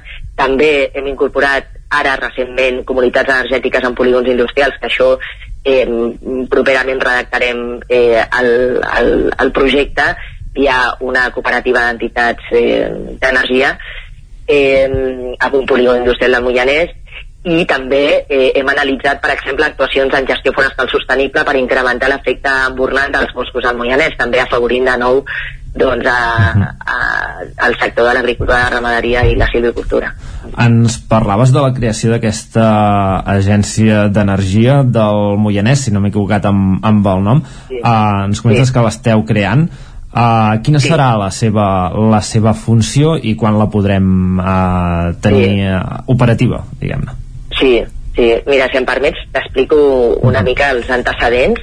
Eh, la creació de l'Agència del Moianès, bueno, com saps, el Consell Comarcal del Moianès és molt jove uh -huh. i nosaltres, en un inici, eh, el que havíem previst era, en comptes de crear l'energia, ai, l'energia, l'agència, perdona, eh, ja que eh, tenim moltíssimes atribucions eh, ara mateix al Consell Comarcal del Moianès i, i l'estructura eh, del Consell Comarcal en quant a personal va creixent però a poc a poc en, en la mira que ens permet la normativa eh, nosaltres en un inici havíem parlat amb l'Agència de l'Energia del Bages i amb l'Agència de l'Energia d'Osona, que són dues agències eh, d'energia punteres a Catalunya, per veure si eh, podien donar servei als 10 municipis del Moianès. Val? Llavors, eh, així posposaven la creació de l'Agència d'Energia del Moianès però amb plenes garanties perquè, com et deia, són agències punteres. Hem, hem, hem comptat amb el, amb el suport total eh, d'aquestes agències, però no és possible que donin servei als municipis del Moianès per les atribucions que es recullen a la llei comarcal de Catalunya. Uh -huh. Per tant, és per això que eh, nosaltres ja fa diversos mesos que estem treballant a la creació de l'Agència de l'Energia del Moianès. Val? Uh -huh eh, i, i com et deia ens ha guiat eh, molt eh, doncs l'Agència de l'Energia del Bages eh, per poder-la crear, així que òbviament la Diputació de Barcelona. Uh -huh. Llavors, eh, l'Agència d'Energia del Moianès ara mateix ja hem fet, hem posat a primera pedra, eh, tenim un gestor energètic contractat que ja està eh, donant suport a, a tots els municipis de la comarca, eh, llavors aquest gestor energètic seria com l'antesala d'aquesta agència de l'energia llavors eh, tindrà mm, moltes atribucions, el que passa és que hi ha algunes que són eh, bàsiques, que serien les, les principals eh, que hauria de donar amb un inici, quan la tinguem creada, que és la comptabilitat energètica eh, dels municipis eh, i l'assessorament en tot el que és la redacció i la implantació de projectes, val? així com auditories energètiques de tots els equipaments municipals i eh, totes aquelles eh, accions eh, necessàries pel, pel compliment normatiu, com és el, són els certificats d'eficiència energètica de, de les edificacions. Uh -huh. Uh, un cop entri en, en funcionament suposo que uh, una de les, uh, dels papers que tindrà no, serà uh, fer aquesta, crear aquestes comunitats uh, d'autoconsum energètic a, a la comarca i donarà suport uh -huh. sí, sí, donarà suport Sí, sí, òbviament a tots els municipis. Mm. Val. Uh, perquè el, el pas de, de convertir no, uh, aquestes uh, infraestructures que, que estan arribant ara uh, en equipaments públics en comunitats energètiques, com, com es pot fer? Uh, legalment uh, està, està contemplat a la, a la llei actual de, de l'Estat? Sí, el, el paquet normatiu ara que tenim eh, en l'àmbit energètic i en l'àmbit de renovables eh, ja inclou la figura, eh, la figura de comunitat energètica local Eh, el que sí que és cert és que eh, la seva, diguéssim, transposició en el que és figura jurídica, això no està eh, encara concretat. Val? Eh, amb tot, eh, ja existeixen comunitats energètiques eh, locals que, eh, aprofitant les figures eh, legislatives existents, el mercat energètic, el seu funcionament, eh, l'intercanvi o no eh, doncs, eh, econòmic eh, envers de l'intercanvi, producció eh, eh, i compartir energia, doncs en base a això s'han ideat les comunitats energètiques locals que eh, avui eh, ens explicaran eh, aquesta tarda per, és a dir, eh, ens explicaran com en base a, a tots aquests instruments i aquesta situació es poden crear les comunitats energètiques locals. Però sí, sí que és, sí que és possible mm -hmm. crear-les ja. Molt bé, doncs, Sonsoles Letang, moltes gràcies per orientar-nos uh, una mica amb la situació actual a, a la comarca del Moianès i anirem seguint uh, com evoluciona uh, aquesta transició energètica a la comarca i que pot servir d'exemple a altres uh, zones rurals de, del territori. Molt bé, moltes gràcies, gràcies a vosaltres per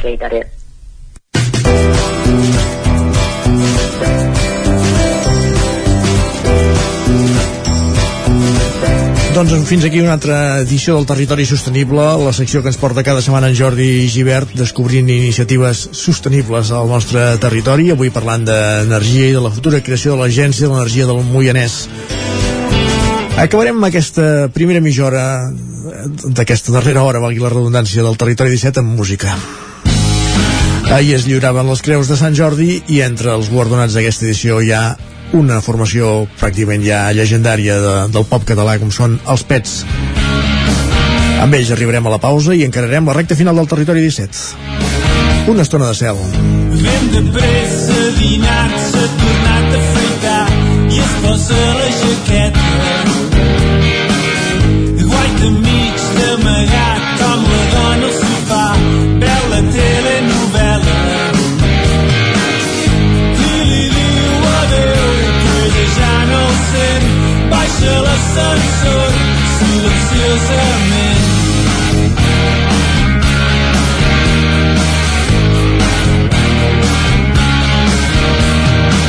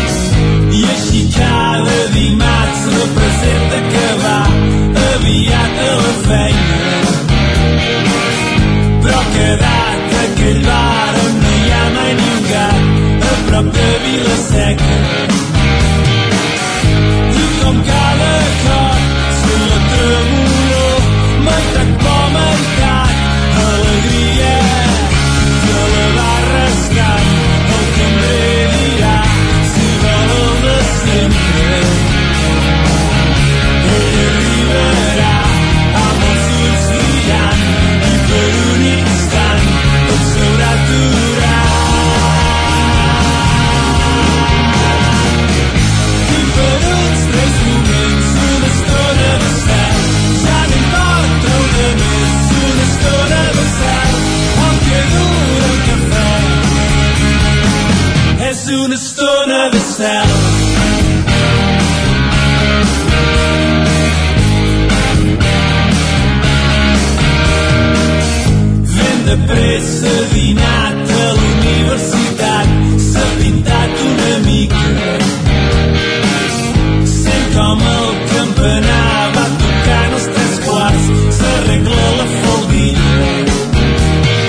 Els Pets, com dèiem, un dels guardonats amb la Creu de Sant Jordi que es lliurava ahir, la Creu de Sant Jordi aquest 2021 que concedeix el govern de la Generalitat.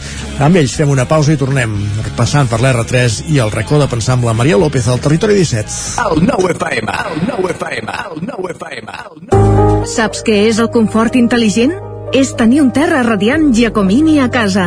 Benestar que no es veu, però es nota tot l'any. I que pots controlar a distància des del teu mòbil, estalviant energia i diners. Suma't al confort intel·ligent amb Giacomini. Informa't a giacomini.es o truca al 93 884 1001 i t'ajudarem a tenir un terra radiant a casa o a l'oficina. Giacomini, la climatització que et mereixes. A Corretja tenim tot el que necessites per la teva llar. Tot tipus de paviments i revestiments, sistemes d'aïllament, cobertes, parquets, aixetes, ferreteria, pintures, fixació i cargoleria, vestuari i material de seguretat. Disposem de més de 3.500 metres quadrats d'exposició amb una nova zona exterior d'aïllaments. A Corretja som especialistes en cuines i banys. Us assessorem, dissenyem i realitzem el projecte des de l'inici fins a la fi del muntatge. 100% cuines, 100% banys. Al carrer Mas Vigues 8 de Vic, a corretja-sl.com o a Instagram. 100% materials per la construcció i la decoració. 100% corretja. Ara som... A la botiga Ànima Records de Vic hi trobaràs tota mena de regals originals i personalitzats, productes artesans i de proximitat. Podràs escollir entre un munt de pessebres i gegants de tot Catalunya. Si has de fer un regal especial, tradicional o cultural, vine a veure'ns a la botiga Ànima, a la plaça del Pes número 5 de Vic o truca'ns al 93 511 03 85. També pots comprar des de la nostra pàgina web. La botiga Ànima us desitja bones festes. El racó de León. Gaudeix de la nostra terrassa. Vine a tastar les xuletilles de lechal a la brasa amb una bona amanida o el xuletón de vedella gallega. No et pots perdre el nostre lechado de Castilla al forn o el cochinillo a l'estil de Segovia. Tot acompanyat del millor celler, al menjador o fora la terrassa. Descobreix la millor cuina de Lleó sense moure't de casa. Vine amb la família, els amics, la parella o sol. T'encantarà.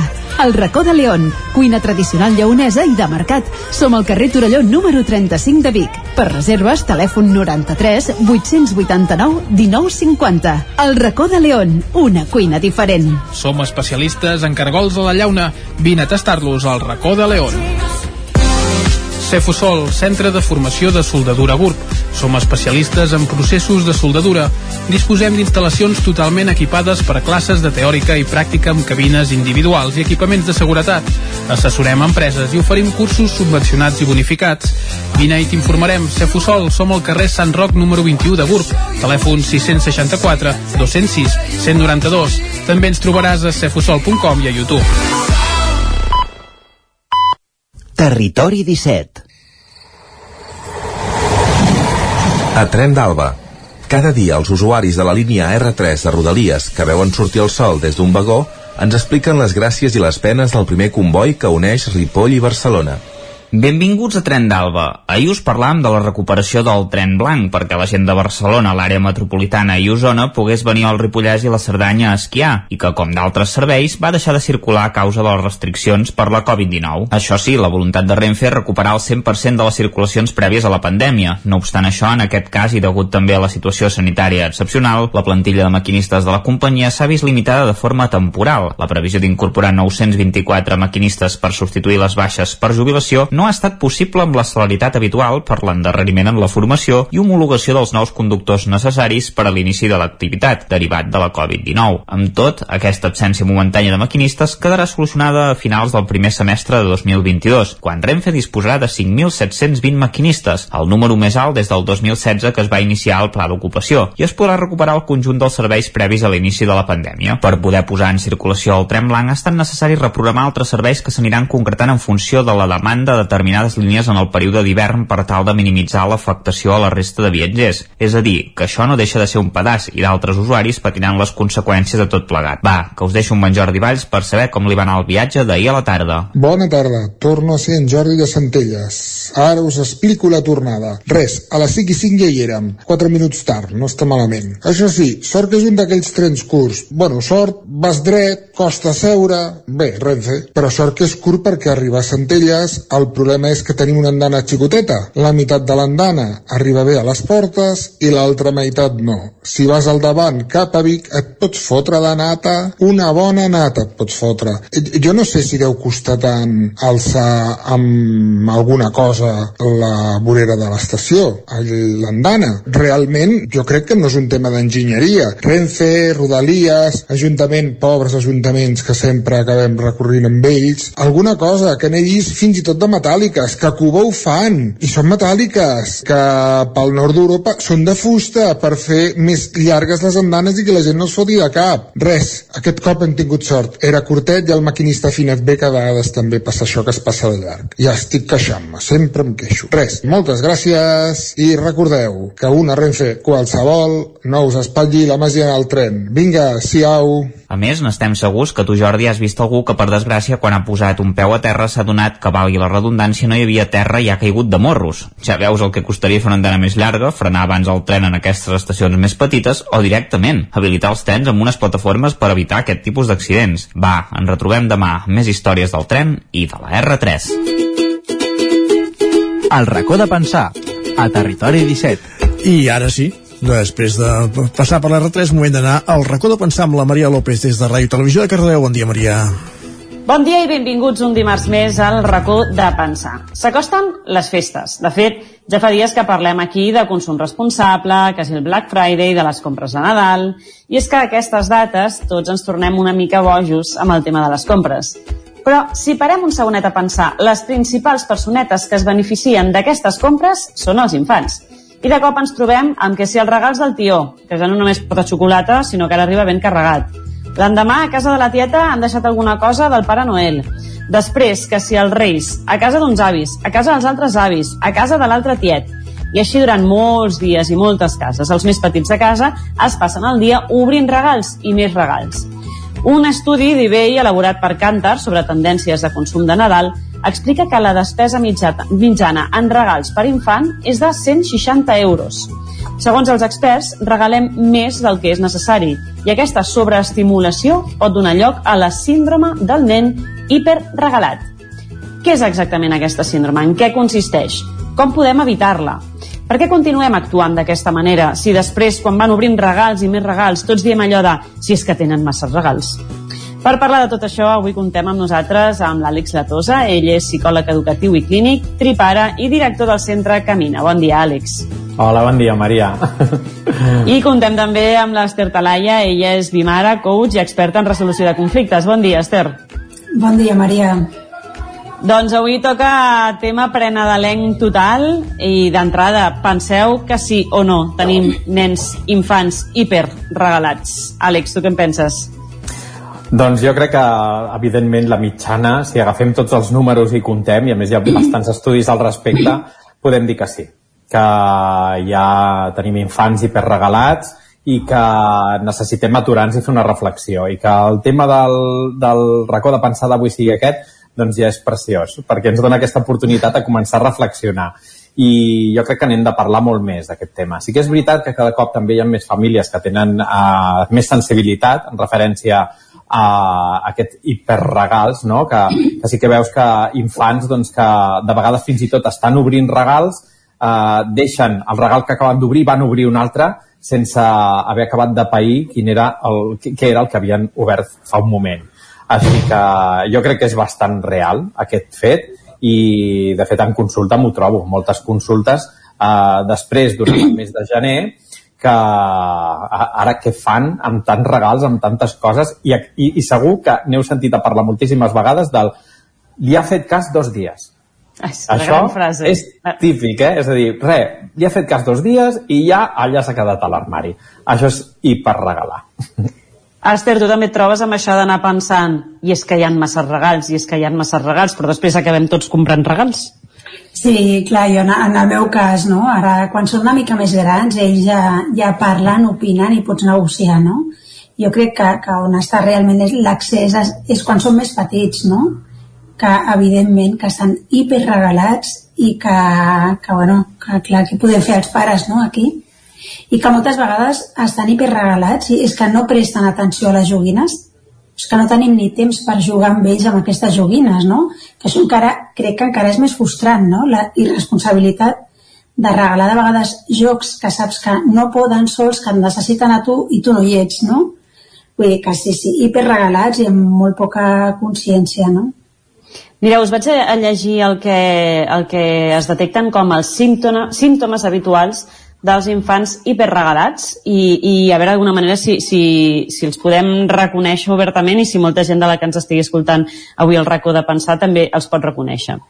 Primer, incapacitat per a prestar atenció. Segon, el fet de centrar-se en un únic, en únic regal directament fa oblidin la resta. Això ja ens podria donar una gran pista, eh? Tercera, pèrdua de la il·lusió. I això ja ataca aquí la sensibilitat directa, eh? I, en quart lloc, baixa tolerància. El dia que no rebi tants regals se sentirà frustrat i insatisfet. Com veieu aquests símptomes? Àlex, els reconeixes totalment tant, o creus que, tant. que s'han passat de frenada? No, no, no, no, totalment, perquè eh, quan hi ha aquest hàbit de rebre tants regals, perd el valor, l'objecte en si, perquè de fet el, eh, la joguina no té cap valor, és a dir, no és vull jugar amb això, sinó simplement és el fet d'obrir un paquet i d'obtenir coses, coses, coses i més coses. I és veritat que quan t'acostumes a obrir a regals i a gairebé el que fan és recompte. Aquest any he tingut, i això em recorda molt, no sé si recordeu la, aquella primera pel·lícula de Harry Potter, que el germà gran eh, tenia 38 regals i s'enfadava perquè l'any passat havia tingut 37 i feia una característica, bueno, una, una caricatura no? del que seria el síndrome del, del nen hiperregalat i eh, totalment es reconeixen aquests símptomes, el fet de, d'acaparar coses. Però fins i tot fixa't que com a pare i mare eh, també ens passa que quan vols reduir els regals, d'alguna manera tenim tant dins el fet de consumir i de comprar que si hi ha pocs regals et sap greu eh, i, i et sents, ostres, poqueta cosa, no? Aquest any eh, em, em, em fa patir, no? És a dir, els adults ja ho tenim a dins, perquè els infants, eh, de fet, eh, si un Nadal té tres regals, però regals que són molt adequats, que ja parlem després, si voleu, del, del que podria ser adequat per, per, perquè no sigui ni per regalats, uh, veus que en aquest moment doncs, uh, els, els infants no pateixen tant. Però jo crec que ja ve dels adults, el fet de dir és poqueta cosa, no? I, i, i tothom tu, també t'ho acaba dient, no? Ostres, eh, poquets regals, no? I si, ja li agafo ja una coseta també, ja li agafo... És, és un tema molt social, jo crec, que, que ens hem de mentalitzar com a societat. Esther, què ens passa als adults que, que no tenim aquesta necessitat de, Bueno, de comprar jo- una mica el que deia l'Àlex, no? Sí. Sembla que és poquet, no? I, I tens allà 400 regals i encara trobem poc. Jo crec que és aquell tema de que estem en un moment on res és suficient en moltes àrees de la vida, no? Eh, i, I els pares, no, jo, jo també no recordo la sensació de dir, ai, potser trobaran poc i el dia abans anar a, a córrer, no? I, I a comprar alguna cosa més. Jo crec que és un tema eh, moltes vegades, no? Hi ha una part potser una mica inconscient que estem comprant no? els nens amb els regals, els adults, perquè la falta de temps, la falta de, de, de prestar l'atenció que de fet saps no? que hauries de prestar i per tant d'alguna manera hi ha una part que dius bueno, però estic aquí quan toca, no? Eh, els regals hi són, no?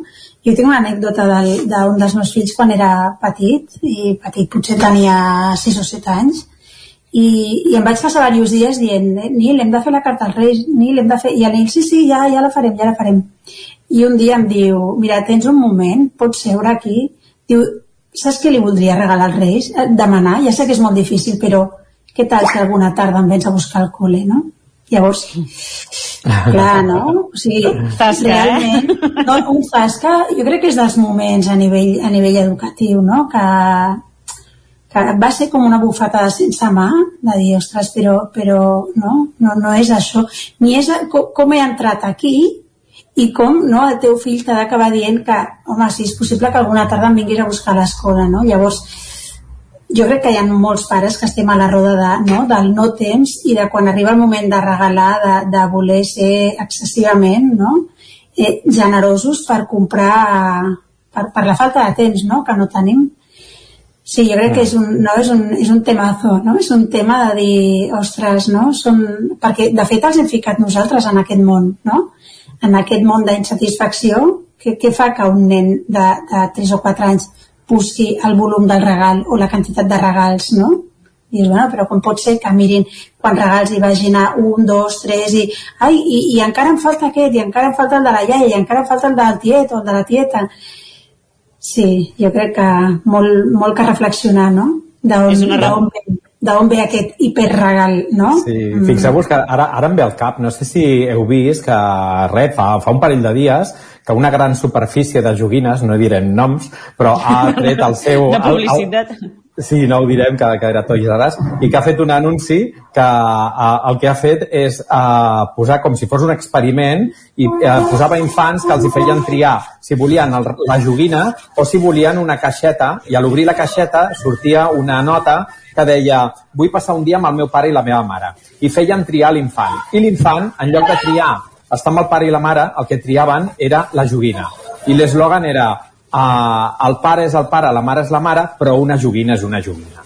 Llavors, fixa't que hi ha mitjans de comunicació que em sembla terrible i totalment denunciable, aquest tipus d'anunci, i uh, res, fa un parell de dies que jo suposo que busquen la controvèrsia, no? perquè ara, per exemple, estiguem parlant d'això, però aquest missatge que s'envia és de una joguina és una joguina, és més important que pare i mare, i fixa't, Esther, que tu comentaves el contrari, no? És a dir, si tu fas triar un infant, el que triarà és afecte, és jugar amb, amb, amb els seus éssers estimats. I si tira la joguina és que uh, és un problema. Tenim un problema perquè vol dir que ha perdut aquest contacte afectiu que és tan necessari amb, amb pare i mare. I ho tinc recent perquè ho vaig veure fa dos dies i, i em va escandalitzar, no? Dic, o sigui, ja tenim aquests anuncis que estan aportant aquesta informació, eh, està contribuint una miqueta a, a, a aquest tema d'aquests infants hiperregalats. I aquí també, no sé, la meva experiència, per exemple, i a, i a la Maria, com a tripara, doncs a casa meva, per exemple, els regals no tenen nom. És a dir, que tothom fa la seva carta i tothom fa els seus regals, però no tenen nom.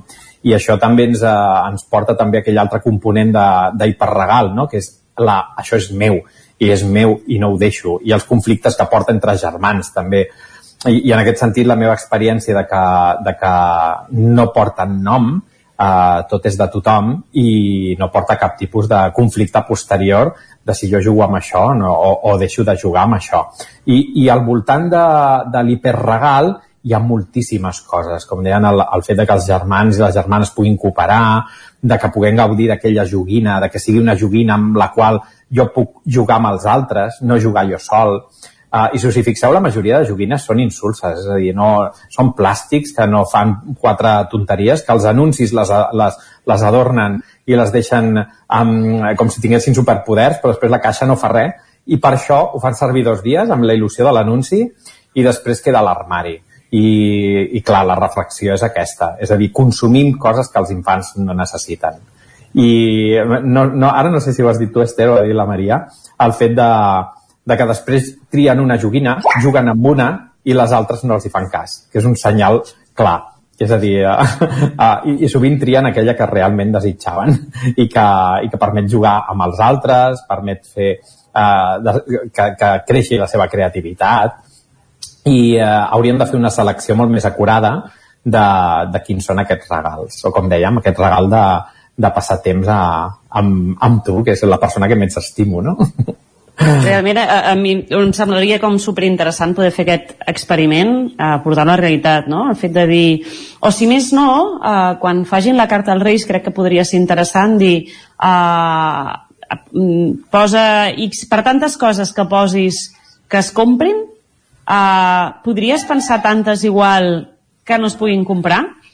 I d'alguna manera també fer-nos reflexionar, no?, en aquest sentit, amb el fet de dir, ostres, és que això és que segurament ni s'han plantejat que es pot demanar als Reis una cosa que no es compra amb diners no? I, i al revés, jo recordo el, el meu fill gran eh, que moltes que, que no ha sigut mai de demanar, així com el petit demana molt, eh, té un mm. esperit consumista molt més instaurat, eh, el gran no ho ha sigut mai, i recordo al revés, no? que em digués no, això ho demano la carta dels Reis perquè si t'ho demano per l'aniversari et gastaries masses diners jo suposo la carta dels Reis, que així els que pringuen pagant són els Reis. I clar, jo per dintre pensant, me l'ha guanyat, saps? Sí. Però la seva consciència era al revés, era els Reis, com fan màgia, els hi podem demanar les coses supercares o moltes coses perquè, perquè és igual, estan, fan màgia i no s'han de gastar els diners, en canvi a la, a la mare no farem que, que es gasti tants diners pobra, no?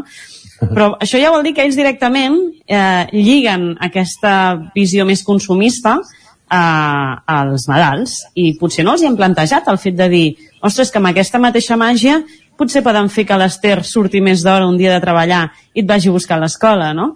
no els hi hem, ni tan sols els hi hem ofert com a opció, no?, el, el fer servir aquesta màgia que tenen els reis, doncs pot- potser perquè la mare un dia surti més d'hora i pugui venir a buscar a l'escola, o puguis venir a dinar a casa en comptes de quedar-te al menjador. Uh, potser hauríem de provar, no?, de, de tirar la canya en aquest sentit i, i veure, si més no, potser no fer-los escollir, que, que potser és més delicat, però veure què demanarien, no?, en, en, aquest, en aquest sentit. Anem a buscar solucions pràctiques, a veure què, què se'ns acudeix o què podríem, què podríem dir. L'Àlex apuntava un, a un remei que, que fan a casa, que és aquest eh, regal sense noms, que em sembla bastant interessant. Però si teniu també algun altre consell que, que podríem donar. Amb aquest mateix article on parlaven, de fet, d'aquesta quantitat, eh, donaven com a pistes intentar limitar els regals eh, a quatre regals. I, de fet, aquests quatre estaven distribuïts com un educatiu, un que realment vulguin com a joguina, un... tenien cadascú com la seva característica. No sé com ho veieu, no sé si us, acudeixen més solucions, si penseu que quatre potser és massa just perquè tota la família vol fer regals i llavors això implicaria avis, un, tal, un... Com ho veieu vosaltres? Jo, jo crec que caldria, caldria ser més creatius, no? Per exemple, els reis no només poden portar joguines, també poden portar una entrada al cinema, al circ, una excursió en família, no? Potenciar també pues, aquesta part de dir, bueno, és que no, no tot ha de ser material, què més ens podrien portar els reis, no? Inclús, quan són més petits, ajudar-los a, a pues, aquesta màgia, no? A que els reis també poden portar que et fa molta il·lusió, no? Pues una, una, un dia anar a veure la neu, pues, no? portaran un vale per anar cap de setmana a la neu, no?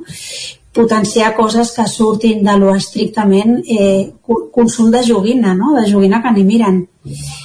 I l'altre és també ajudar-los quan hi ha germans, no? Pues, eh, anem a triar una joguina que pugui servir per tota la família, un joc que pugui servir, no? Jo, el, el meu fill gran feia molt la carta als Reis pensant en el seu germà, no? I era com, no? I això pel Pol, i això pel Pol, i això pel Pol, no? I llavors nosaltres eh, el que fèiem era, les, el que eren joguines eren Nil i Pol. Llavors, el que tu dius, no, Àlex? No hi havia no? Aquest, aquest sentit de això és meu, no? tot això és per compartir, no? Però jo crec que val la pena ser, ser creatius, no? Sí, Àlex, sí. propostes, propostes per totes aquelles persones que Sí. estiguin amb la, amb la llibreta i el boli ara mateix. Sí, fixa't que, que jo coincideixo molt eh, amb, amb, amb, amb el que has dit. A més, el, aquests quatre regals que són els que, el que sempre recomanem. Uh, I també jo crec que és important deixar constància, perquè sempre, si no, quan parlem de- d'infants hiperregalats, acabem sempre parlant de, de, de que tinguin lectures, que tinguin que visquin experiències, que tinguin regals que, que siguin uh, cooperatius, és a dir, regals que siguin per tota la família, no per un mateix. I això està molt bé, però també està bé recordar que, que també hi ha d'haver aquell regal, aquell regal que desitja molt i que potser no és ni educatiu, ni és pedagògic, ni és... però desitja molt. Llavors que aquest també hi sigui, no? És a dir, que, que, que, eh, que no siguem allò com qui diu més papistes que el papa, no? Sinó que, que també puguem agafar a deixar una miqueta també a, a aquest espai, però que no tot sigui aquest, aquest sentit d'aquest regal que, que no té una altra utilitat. I és veritat que uh, regalar experiències i regalar experiències que siguin uh, conjuntes. Com molt bé deia l'Ester, doncs una, unes entrades al teatre, unes entrades al cinema, anar a veure la neu, és a dir, experiències que als infants els agrada moltíssim. Uh, I quan són més petits, que és la manera de començar a educar, perquè si no, quan són més grans, uh, això ja no els agrada. És a dir, si uh, amb un infant que sempre ha estat hiperregalat i arriba als 14 anys i li regales unes entrades al teatre, doncs segurament et poden acabar al cap, no? Uh, uh, jo crec que ho hem d'anar treballant poquet a poquet, amb paciència, i quan més petits siguin, més, eh, més bo és el moment per començar. I jo també sí que un dels aspectes que cada any em trobo en consulta i que m'ho pregunten moltíssim uh, és uh, la pregunta de i si al Nadal els hi porta el Pare Noel o els Reis un gos? I aquí mm. també és un problema, eh? perquè quan parlem d'animals, els animals evidentment no és un regal, és un ésser viu que sent i que se l'acull per l'animal, no per l'infant. I aquí també és un punt que se'm pregunta moltes vegades, eh, sobretot en arribar a aquestes dates. I què penses si li agafem un gosset o si arriba al Nadal un gosset a casa?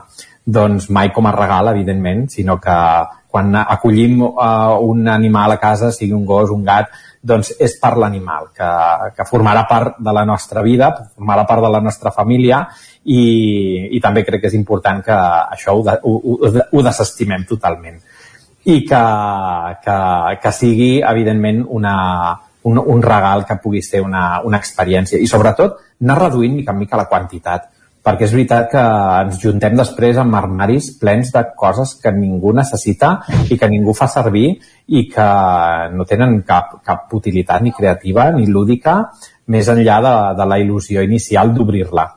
I, I aquesta reflexió també jo crec que és important. Mireu, he buscat mentre parlàvem ara aquesta llista una mica que recomanen com per combatre la síndrome del, dels infants hiperregalats i recomanen que eh, es posi una regla de quatre regals que vol dir limitar, ja diuen la carta als Reis, o sigui, això vol dir que ja, quan facin la carta, ja, ja ho facin una mica amb aquesta vista, eh? Però parlen d'un regal per portar, o sigui, roba, sabates, motxilla, alguna cosa així. Segona, un regal educatiu, que aquest mm, potser costa més que el trobin o que el busquin, perquè és d'aquells que costa, crec.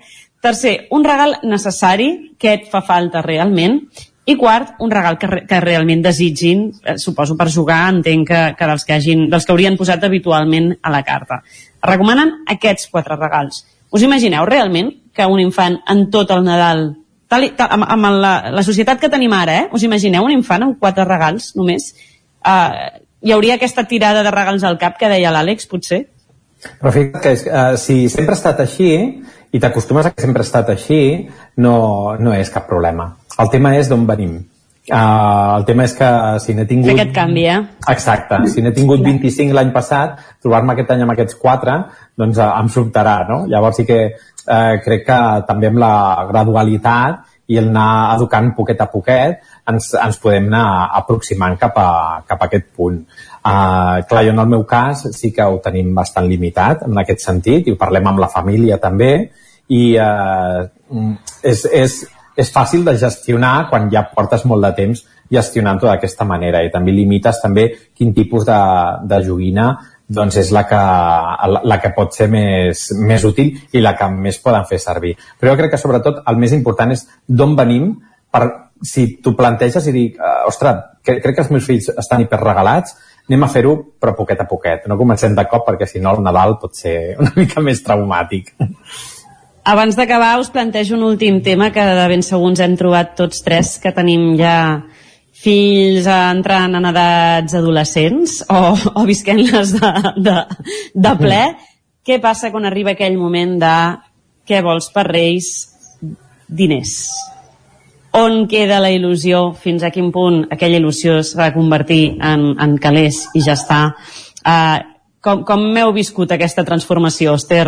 Tu tens ara dos adolescents a ple pulmó, eh? Jo tinc un de cada, un que, que els diners li encanten i l'altre que no vol diners per res perquè no els necessita. El gran no necessita diners per res, per tant, a ell no li regalis diners perquè no li farà absolutament cap il·lusió.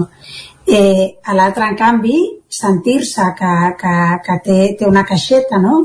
que té quatre duros, a ell el fa sentir molt bé, no? Llavors, jo crec que és trobar aquell equilibri també depèn de la personalitat, perquè jo, per exemple, no, o sigui, he de respectar no, la personalitat de cada un. Hi ha un que potser sorprendràs més eh, pues, amb, amb un bon àpat o amb alguna cosa de menjar que sigui com molt selecta com a regal, i això o anirem a dinar als quatre i, i l'altre necessita una altra cosa, i és trobar l'equilibri, no? Però també jo crec que els diners són una oportunitat perquè comencin a autogestionar. Jo, jo crec que, que sí, mesuradament, però tu, tu tens això i amb això què vols fer, no? M'encanta tu... la visió de l'Ester perquè jo ho vivia això com el fin de la il·lusió de la Navidad però no, no, és no, molt interessant que, aquesta versió aquesta mirada, que, no? De... no? És, és una oportunitat, és una oportunitat per, per dir, vale, no? com seguim treballant l'autonomia, no? no són adolescents i tenen l'autonomia absoluta, bueno, com a mínim els meus, no? I veus que contínuament has de, llavors, perfecte, no? I, i després negociar, no? Negociar vols diners, però després voldràs els diners i després em demanaràs el xandall o la bossa de futbol que s'ha trencat. O...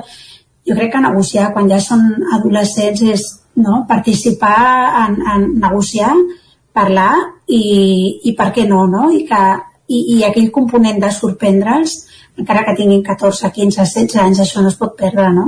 Jo sóc gran i m'encanta que em facin un regal inesperat, no? Llavors jo crec que, que la il·lusió, encara que siguin adolescents, no ha d'estar amb la, amb la mínima tonteria, eh? no ha de ser una gran cosa, però amb coses que diguis, uau, no? No m'ho esperava.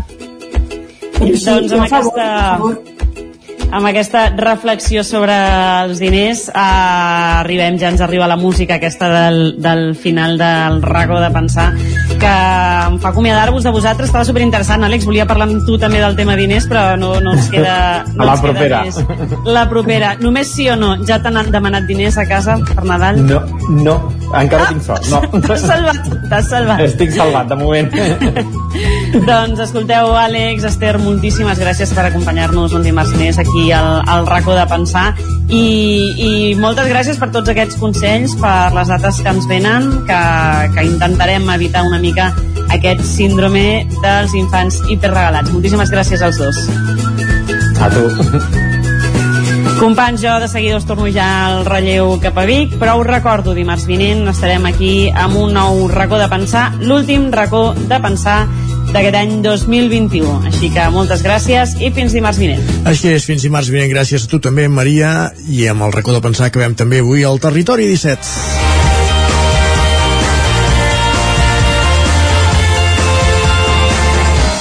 Us hem acompanyat des de les 9 del matí Pepa Costa, Núria Lázaro, Guillem Sánchez, Miquel R, Gil Salvans, Caral Campàs, Txell Vilamala, Òscar Muñoz, Jordi Givert, Isaac Muntades, Maria López, Jordi Sunyer i Isaac Moreno. I tornarem demà a la mateixa hora, a partir de les 9, a la vostra sintonia. Que vagi molt bé aquest dimarts. Adéu-siau. Territori 17, un magazín del nou FM. La veu de Sant Joan, Ona Codinenca i Ràdio Cardedeu amb el suport de la xarxa. El nou FM.